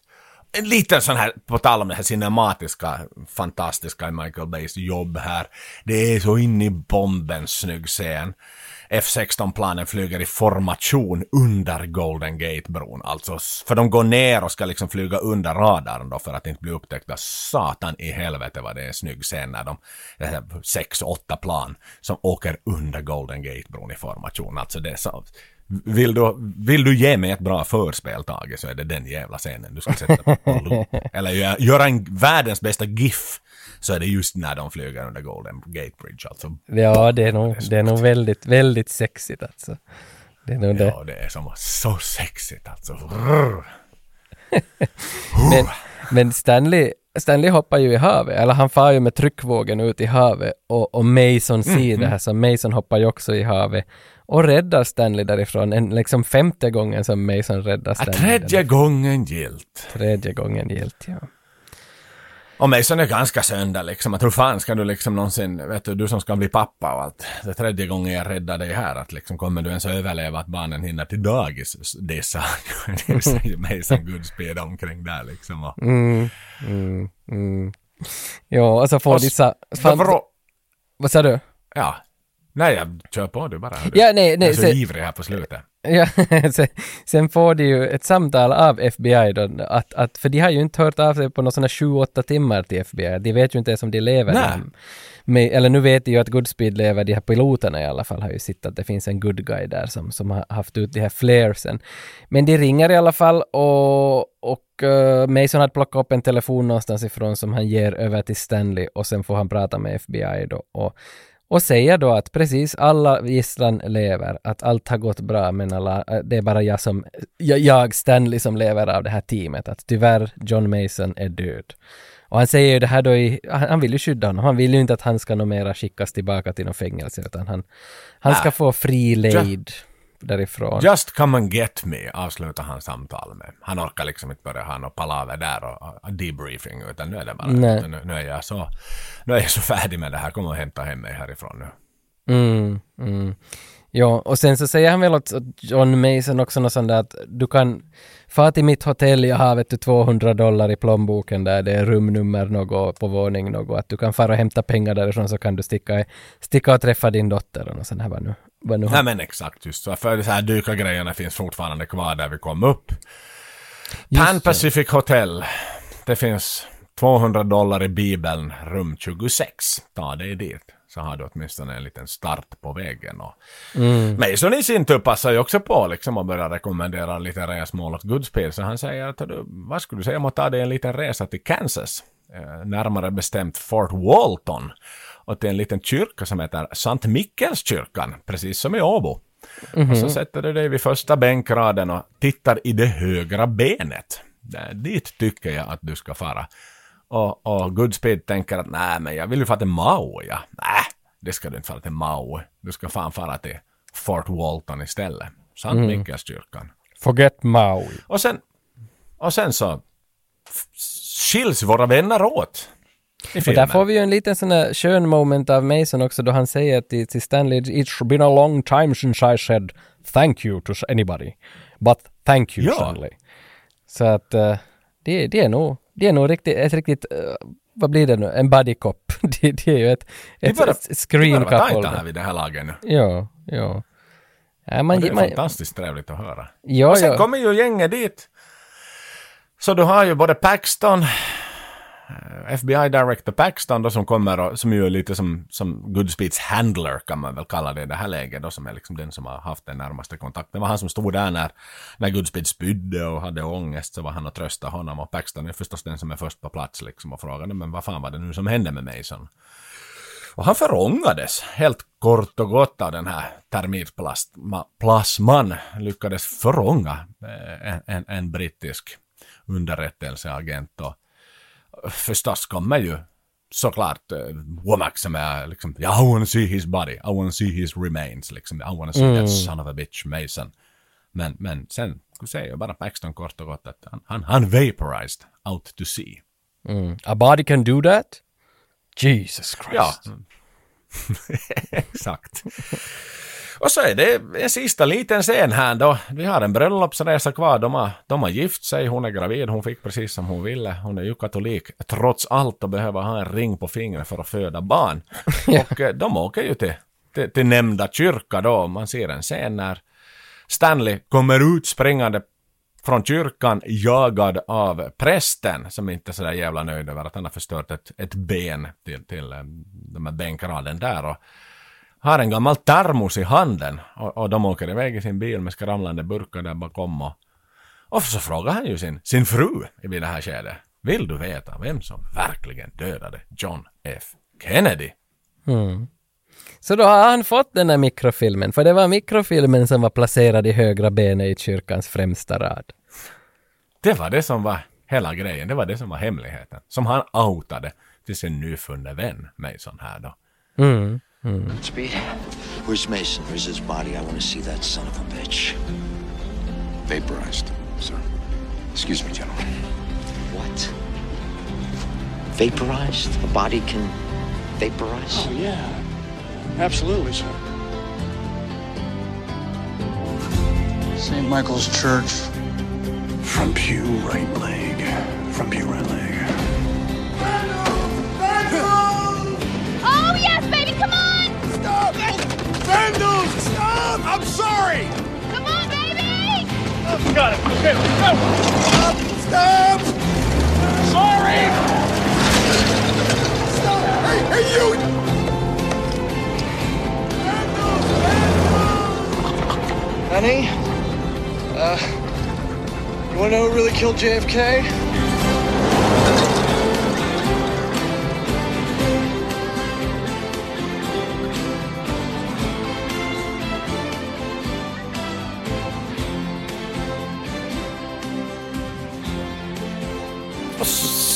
Började så småningom komma Fate to Black, men innan det så står det In Loving Memory av Don Simpson. Mm. Ja. Och där sjunger filmen ut. Och det är en... Det är en den sjunger ut med en vacker känsla. Det är en... Ja, är en verkligen. Mm. Även om det är en hiskeligt lång actionfilm så sjunger den ändå ut på en jättefin ton där. Ja. Där var The Rock nu då. Nu är man nog lite mör i kroppen. Det blev ett jävla långt avsnitt men, men det visste vi ju redan att det här kommer att bli långt för att det hände så jävla mycket i den här filmen. Men eh, man är nog ändå glad att vi tog oss så här långt och, och det känns ju egentligen bara som att en sak fattas och jag antar att du vet vilken sak som det är frågan om. Jag tror jag har en aning. Så låt oss påbörja resan.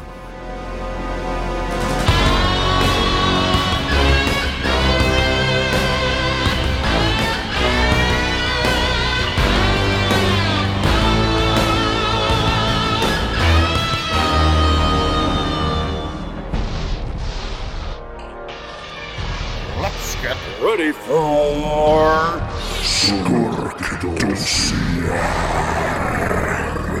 Goddamn right. Alright, Tage, det är dags. Dagens skurk är såklart general Francis Xavier Hummels, som jag faktiskt lyckades få reda på att han heter i mellannamn. Det står X överallt, men han heter faktiskt Xavier. Jag vill verkligen understryka i det här laget att även både John Patrick Mason och FBI Director Womack kunde ha hamnat i den här dossiären den här gången för att de har lite tvetydiga bakgrunder båda två av dem. Men vad vi nu vet om, om Francis X. Hummels, Mr. Xavier, är ju att han var gift med Barbara Hummel. Hon var född den 17 oktober 1946 och hon dog 9 mars 1995. Vi vet inte varför hon dog, men hon blev inte jättegammal. Och eh, han, var, han har varit major, han har ju gjort en, en jävla karriär i militären och han har varit då tre gånger i Vietnam. Han har varit i Panama, han har varit i Grenada och han har då varit i Operation Desert Storm som tog plats. Och, och till slut då liksom innan han skulle gå i pension, han är ju fortfarande aktiv tjänstgöring under den här filmen, så blev han liksom brigadgeneral. Men vi vet ju också att han har varit i, i norra Laos och i, i sy sydkinesiska havet och gjort operationer, sådana här väldigt liksom off-radar-operationer då. Där, där man delar ut pengar till höger och vänster. Vi vet att han är belönad med tre stycken Purple Hearts-medaljer. Vi vet att han är belönad med två Silver Stars-medaljer och han har dessutom fått en Congressional Medal of Honor så den här killen är ju verkligen liksom diplomerad. Han, han ser ut som en julgran kort och gott. Jag tänk, det, det vi har fått reda på om hans personlighet, politiskt så, så vill jag hävda att han är en demokrat ut i fingerspetsarna. Och han har ett väldigt tydligt rättspatos. Han har alltid satt laget före jaget. Och det är ju extra tydligt just i den här filmen här att in, någonting i den här filmen och i hans agerande handlar ju om Hamels själv, utan allt handlar om stupade soldater. Om, om, det handlar om människor som inte ens är i liv längre och deras anhöriga. Att, att han är ju en extrem teamplayer, har ju en enorm solidaritet. han ser ju döden som det absolut sista utvägen som finns, vilket är tydligt inte minst då de erövrar de här VX-giftmissilerna när de i början av, av, går in i den här depån för att ta dem. Det, det är ju som sagt det, det är sådana här, eh, vad heter det, sövpistol, sövpatroner som de skjuter med. Och också när Navy Seals kommer in i duschrummet och ska ta dem. Så att han, han vill inte döda. Han vill absolut inte döda. Så att, så här, all in all så är det jävligt tvetydigt om Hammels alls har i denna skurkdossiär att göra. Och jag ställer mig den frågan och jag ställer framförallt Tage dig den frågan. Hör Hammels överhuvudtaget hemma i skurkdossiären? Nå, jag grubblar ju på det där också och funderar att vem är det som du kommer att välja som skurkdossiär och du har nog gjort ändå ett bra val tycker jag för han är ju den som som har det här onda uppsåtet från början. Och det är ju han som startar hela storyn och det är han som har liksom allt det här elaka i sig. Men det visar ju sig längs filmens gång att det är bara hot. Men att ändå man har sådana här hot och sådana här grepp som man tänker ta till så nu är man ju elak då, nu inte är man ju någon god man inte. Så att nu är jag ju, nu är han ju liksom, nu, nu kan han ju bra vara en skurkdossiär. Däremot just den här Captain Fry så är ju som kanske mera en riktig sån elaking så att säga. Men jag tycker nog att... att, Jo men både Darrow och Fry, men så som jag respek- ref reflekterade och resonerade så de är ju där enbart för att Hummels har beställt dit dem. Ja, ja, ja, det är sant, ja, ja, ja, ja. Så nu, jag tror nog att Francis X. Hammel är den som ska vara i den där skurkdossiären. Det är nog, det är nog rätt att det är han som är där, tror jag nog. Men om vi då ska försöka gradera honom på en skala, jag menar vi har ju en 1, 0 till 5 skala på badass-skalan och som sagt, han ska ställas mot Mission Impossible 2 skurk och han ska framförallt nu ställa sig mot senaste filmens Triple X, den här ryssen, som Mm. vill förgöra allt och alla för att skapa någon typ av anarki i världen. Mm. Så va, va, hur resonerar du med män? Nå, jag resonerar nog som att han ligger på en tvåa ungefär. Liksom att, alltså, visst var femman var det mest elaka. Så, Mm. så jag tror nog att han ligger på en tvåa eller något, för inte han ju genomgod. Han har ju nog liksom mycket bekymmer som han, som han ändå liksom, om man ändå tar sig till sådana ordalag att man ska hota en hel stad och man tar gisslan massa folk så inte han ju god på något sätt inte utan det visar ju sig sen senare i filmen liksom att jo, han har mycket goda saker, han gör det här för en god avsikt och sådär, men, men de här the measures som han tar till för att få igenom sin vilja så är nog ändå eh, ganska elaka så att jag, och jag, jag, jag, jag tycker att han landar på en tvåa, inte en etta utan en, en tvåa. Alltså jag, för första gången är jag inte riktigt enig med dig här Tage. Jag, jag ger honom faktiskt en uh, minus ett. Så att jag, han hamnar liksom ut från skurkskalan och in på godhetsskalan då på en etta, vilket ju då i den här skalan blir en minus etta. Just för att så här, han har verkligen försökt den här killen. Han har snackat med politiker, han har snackat fan med presidenten. De här döda jävla soldaterna förtjänar en begravning, en militär begravning. De förtjänar kompensation, deras familjer. Ingen jävel har lyssnat. I min lilla militära värld så är ju det här allt som gäller. Liksom. Det är ju som NHL PA. Liksom han, han är en förespråkare att Players Association, de ska ha någon jävla rättigheter. Det är inte bara sponsorerna som ska få stålar här. Utan no, vi som gör skiten, vi som gräver gravarna ska fan med kompenseras också här. Och på det sättet tycker jag att han gör ju det här av, av gott. Han hade aldrig en avsikt att trycka på knappen på de där jävla missilerna. Han skulle inte döda en enda människa. Han har, till och med som du var inne på, skolbanorna där viskade han att säga åt fröken att ni ska få hem nu. Så att han är, he's a goddamn hero. Jag skulle fan, jag, jag gör så här, jag tänker award him, men till Purple Heart. Han har ingenting på den här jävla listan att göra. Jag ska tvätta munnen med tvål. Okej, okej. Han är ändå skurkdossiären men han har ingenting på den här jävla listan att göra. Det gillar man ju. Nej, he's a man. goddamn hero. Jo, jo. Tvetydigheter. Jag köper nog dina argument. Jag tycker nog om dem. Och om du liksom lägger minus ett och jag lägger två så då, han landar alltså på en, vad blir det då? Landar han på en, en etta då eller en nolla? Ifall vi kombinerar Vad våra var det med poäng. din matematik där Tage? Den är inte bra inte. Det blir ju då... vi är dåliga på matematik. Minus ett och två. Då blir ju svaret... Ett. Ett. Och ja, för vi räknar väl inte nollan ändå med där. Nej, nej, nollen är ut nollan. Nollen är nolla. Minus ett. eh, ett. min- Två minus ett är ett. Mm. Nej men då så, han, han landar på en etta. Han fick bästa möjliga Mm. betyg på skurkskalan om man ser det från en positiv vinkel.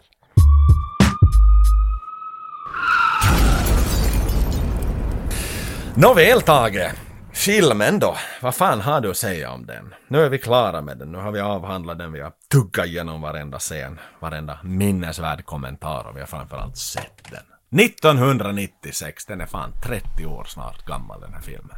Ja, fan ja. Den är ju 27 år gammal ja. Um, vad ska man som säga då? Alltså, ja, men lite tom. Tom för att Mm. den är så, det händer så jävla mycket här, det är så mycket att gå igenom. Vi hamnar till och med liksom göra avbrott i det här avsnittet och fortsätta nästa dag för att vi blev, vi blev lite långa. Så att det är nog ett avsnitt och en film som, som har tömt en på massa känslor. Och, och, och jag tycker ju nog att den här filmen fortsättningsvis är lika bra som den var när man såg den i, i högstadiet liksom. Att den är nog ännu häftig. Uh, och den är, den är, där finns mycket liksom sådana här tveksamheter förstås i manus och sådär men inte är det någonting som jag stör mig på överhuvudtaget när man ser på filmen. Att jag tycker nog bara den är jävla underhållande hela tiden. Och alla skådisar är jävla bra, musiken är bra, liksom uppbyggnaden är bra, det är massa snygga bilder, det är bra regi, det, den är bra rakt igenom. Uh, men kanske då för att, inte vet jag, jag har sett den så många gånger så man är lite avtrubbad på vissa moments i den som man gärna kan hoppa över liksom och sådär. Så det, men det är ju för att man har sett den för många gånger kanske då. Så inte vet jag riktigt var man skulle landa på ett IMDB-betyg att kanske då en 9. 9,0. Så den går i paritet med Sander Drax då, Triple X. Alltså jag tycker ju att Triple X, alltså vad gav jag till den då? Var det 9, 9,5 eller 9 Jag till tror det den? var till och med över nio. Ja, för att, men där, där tror jag också har att göra med att jag har inte sett Triple X så här många gånger. Man, man är lite överraskad varje gång när man ser den. Vet att den här man sitter så mycket så att man, man, är inte, man är inte kapabel att ge betyg till den här. Och, och, men då när jag såg den som första gång, då gav jag ju 10 till den när man var yngre. När man ville se den om och om igen. Så ska man ge det betyg eller ska man ge det som man tänker nu? Oberoende båda vägar så är ju ett sjuhögt betyg att jag tycker nog den är jävla bra. Men jag har liksom inte nu ett sug att se på The Rock igen närmaste månader. Utan den får nog ligga på hyllan några år och så tar man fram den igen sen. För att jag tror nog det har att göra med att man är liksom lite sådär nött på Så det är kravet för dig för att den ska vara liksom riktigt out there. Så du Nä. menar, jag vet ju vad Armageddon betyder för dig och jag vet vad Gladiator betyder för dig båda inom detta spann. Men så här när sluttexterna till både Russell Crowe och- och Bruce Willis då klingar ut. Så det då, din första tanke då är att here, let's go again. Nej, nej så är det inte. Alltså, det, det, det råkar nog bara vara någonting som jag sa, att inte, inte det är något krav att man ska vilja se den igen, utan för den här lämnar ju nog kvar i ens huvud länge och det, det är ju ett stort betyg det också, att man minns den och man, man cherish den här filmen. Men eh, jag vet inte vad det är som gör att man, eh, alltså jag tycker den är helt svin jävla bra och, och den, den funkar alltid, men det är något att jag, jag vet inte, jag, jag sätter liksom hellre på Armageddon kanske då. Nå, om vi vänder på steken, vad, vad är det som, som saknas i den här filmen? Vad är det då som kräver att det här ska vara en täyspotti? Jag tror att i Finland hette. Full. jag tror att det som skulle krävas för att jag skulle vara sådär det här är det bästa filmen ever en tia, är att den skulle vara lite kortare kanske.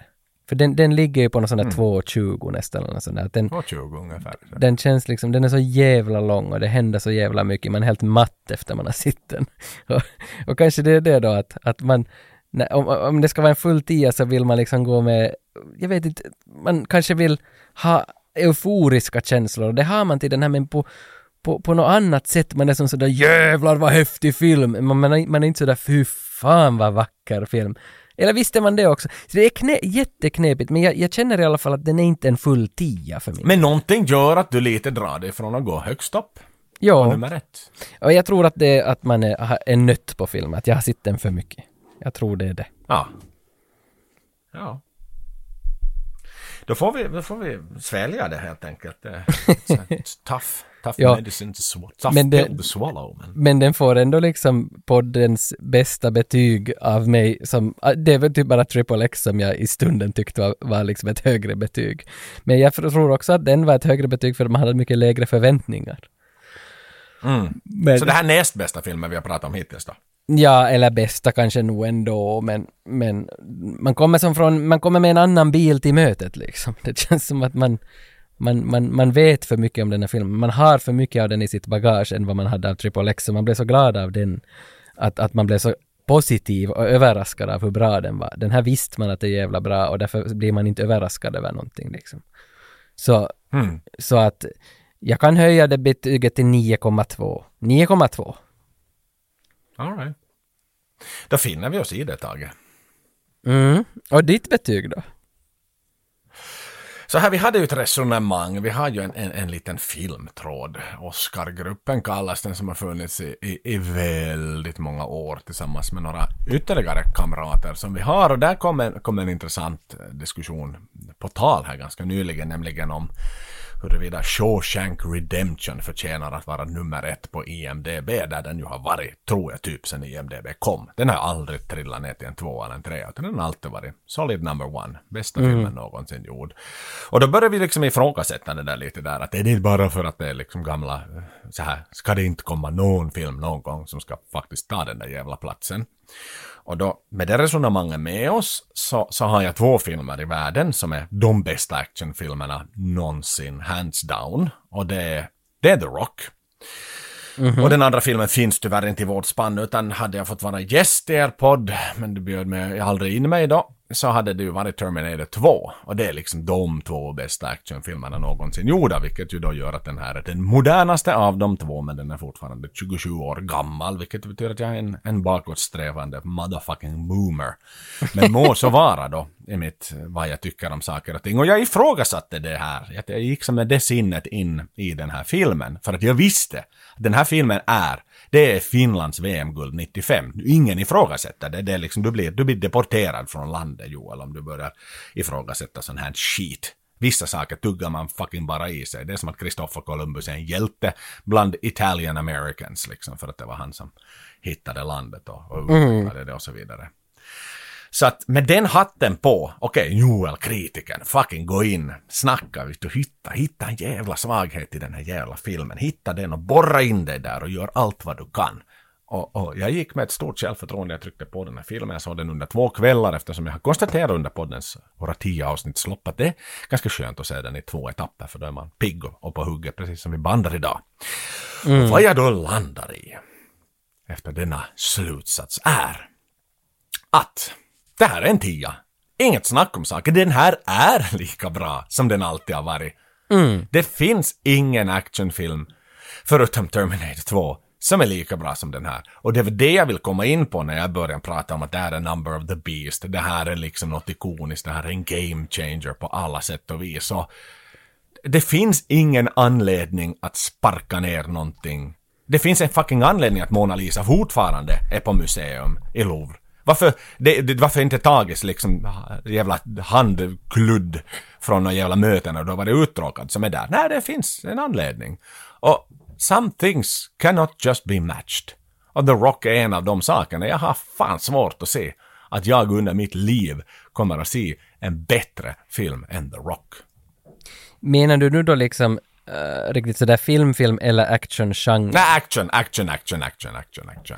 Jo, jo, för där är jag nog liksom benägen att hålla med att om man snackar bara actionfilm så inte finns det många som är liksom topp tre av de bästa actionfilmerna och, och dit hör ju nog den här. Jag tycker om den här, jag tycker om Armageddon och jag tycker om en hel del andra som, som, som platsar, platsar in på en hög siffra där liksom. Men, men, men liksom om man, om man tar utspannet och, och jämför med alla filmer, inte bara action, så då finns det ju flera andra också. Så det, alltså det är enormt Så svårt. är det. Men det som vi pratade om i förra avsnittet, liksom eh, gällande IMDB-betyg, det här är, är låst in i podden, det är 9606 och det är vår genre som vi betygsätter. Sen då kan det finnas de här liksom uber superfilmerna som kan ha ett annat betyg såklart. Eh, så att så här, vi, vi ser ju det här med den ostkupan vi har på oss. Jo, jo, men, men om man tänker liksom när, eh, när jag såg The Matrix till exempel första gången, så då var jag ju beredd på att det här är den bästa actionfilmen som någonsin har funnits, för att den var så jävla nyskapande och häftig. Och den då man såg den på bio och sådär. Liksom, och sen, sen när man har sett The Matrix 15 gånger, så blir man också sådär att inte orkar jag se den något mera. Jag vet inte, och, och då har man ju själv förstört det för sig själv, men om man går på första intryck så är ju The Rock en tia liksom, för jag minns att jag tyckte den var så jävla bra när man såg den första gången. Men därför är det så svårt att ge ett betyg när man har sett den 20 gånger. Att ska man bara liksom nöja sig då med att det är en 10 och det kommer alltid att vara en 10? Eller ska Ja, man men jag liksom... tror delvis får man ju ha de här, alltså som musen och hans fammo, liksom hans mindblowing experience, det var det bästa han hade sett. Och, och på ett sätt sådär, ja, men vet du vad, går du på, på en, på en eh, trestjärnig Michelin-restaurang varenda jävla dag och äter samma jävla måltid, det är klart att det var godast första gången. Mm. Sen när du äter det liksom 32 dagen i rad, ja, nu är det gott, men du, dina förväntningar har ju sjunkit, du vet vad som är på tallriken liksom. Och, Mm. och i det här fallet tror jag att man får förlita sig på sina första instinkter. Och sen såklart, som vi har pratat mycket i den här podden, det, det ska ju, hur har filmen åldrats liksom? Låt oss nu bara ta American Pie där och de liksom, vad ska vi säga, mycket icke-PK-scenerna som, som, som finns med där. Den har inte åldrats väl. Tittar vi hur, hur lever The Rock upp idag? Lek med tanken att den hade haft premiär idag. Ja, när det där Winners Go Home Factor Prom Queen kanske man skulle ha skrivit om just den delen. ja, jag tror nog det. Ja, kanske man inte ska dissa, dissa Elton John jättemycket kring, kring Rocketman med, med så här, men nåja, det kanske du kan göra. Att man inte gillar soft ass music. Men den här levererar och den funkar än idag. Och det är det jag vill liksom, där- därför är den ju där. Och det är därför jag, och jag ville verkligen, jag, jag säger det, jag ville hitta en kritisk punkt. Jag ville hitta någonting som skulle göra att jag, nå inte var den nu riktigt så bra som jag tyckte att den var då. Men Mm. jag hittar inte i den här filmen. Och, och där är jag så nöjd över mina tidigare omdömen. Jag är jättestolt över att jag som ung fortfarande håller den här kvar som en nummer etta. Mm. Ja, men du, du har nog jättefina motiveringar och jag, jag, jag håller nog med i precis, precis allt vad du säger.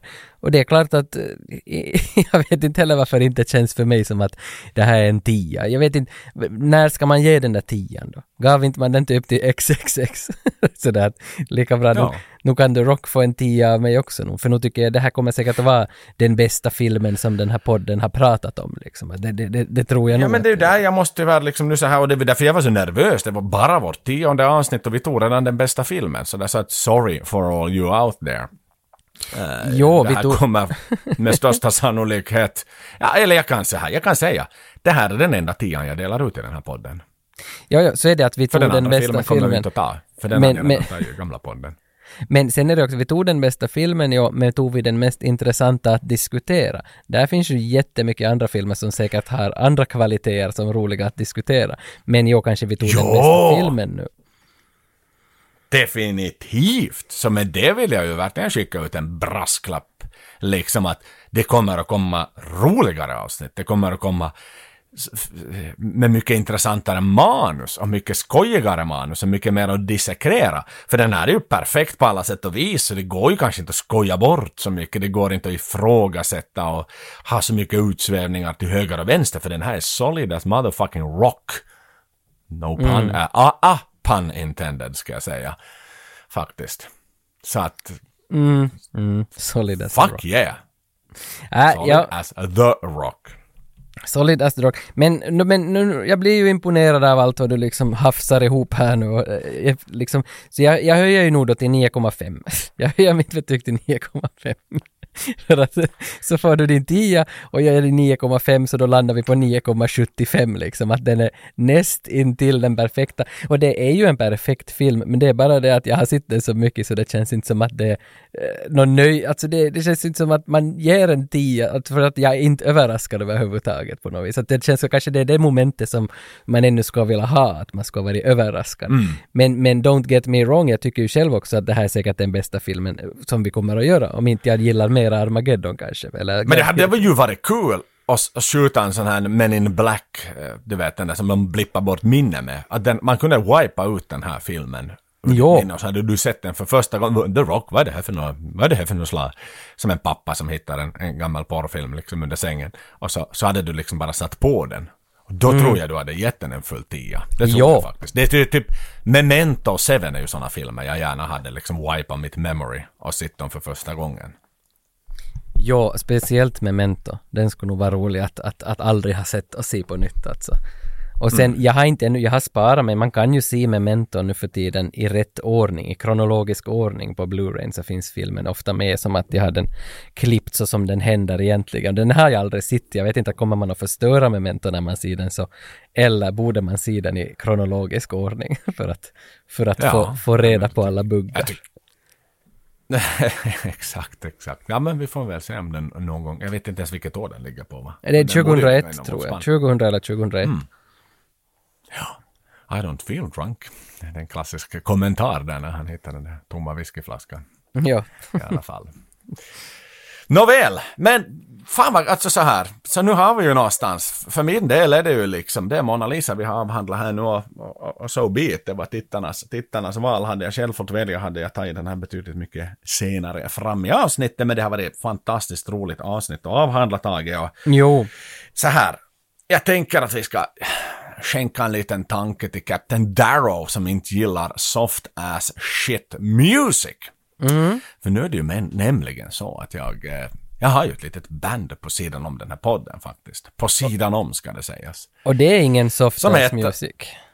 Ja, det är verkligen ingen soft ass shit det, utan eh, bandet heter Revolver. Vi har faktiskt, kommer att släppa, har släppt eh, ungefär när det här avsnittet kommer ut, vår debut-EP.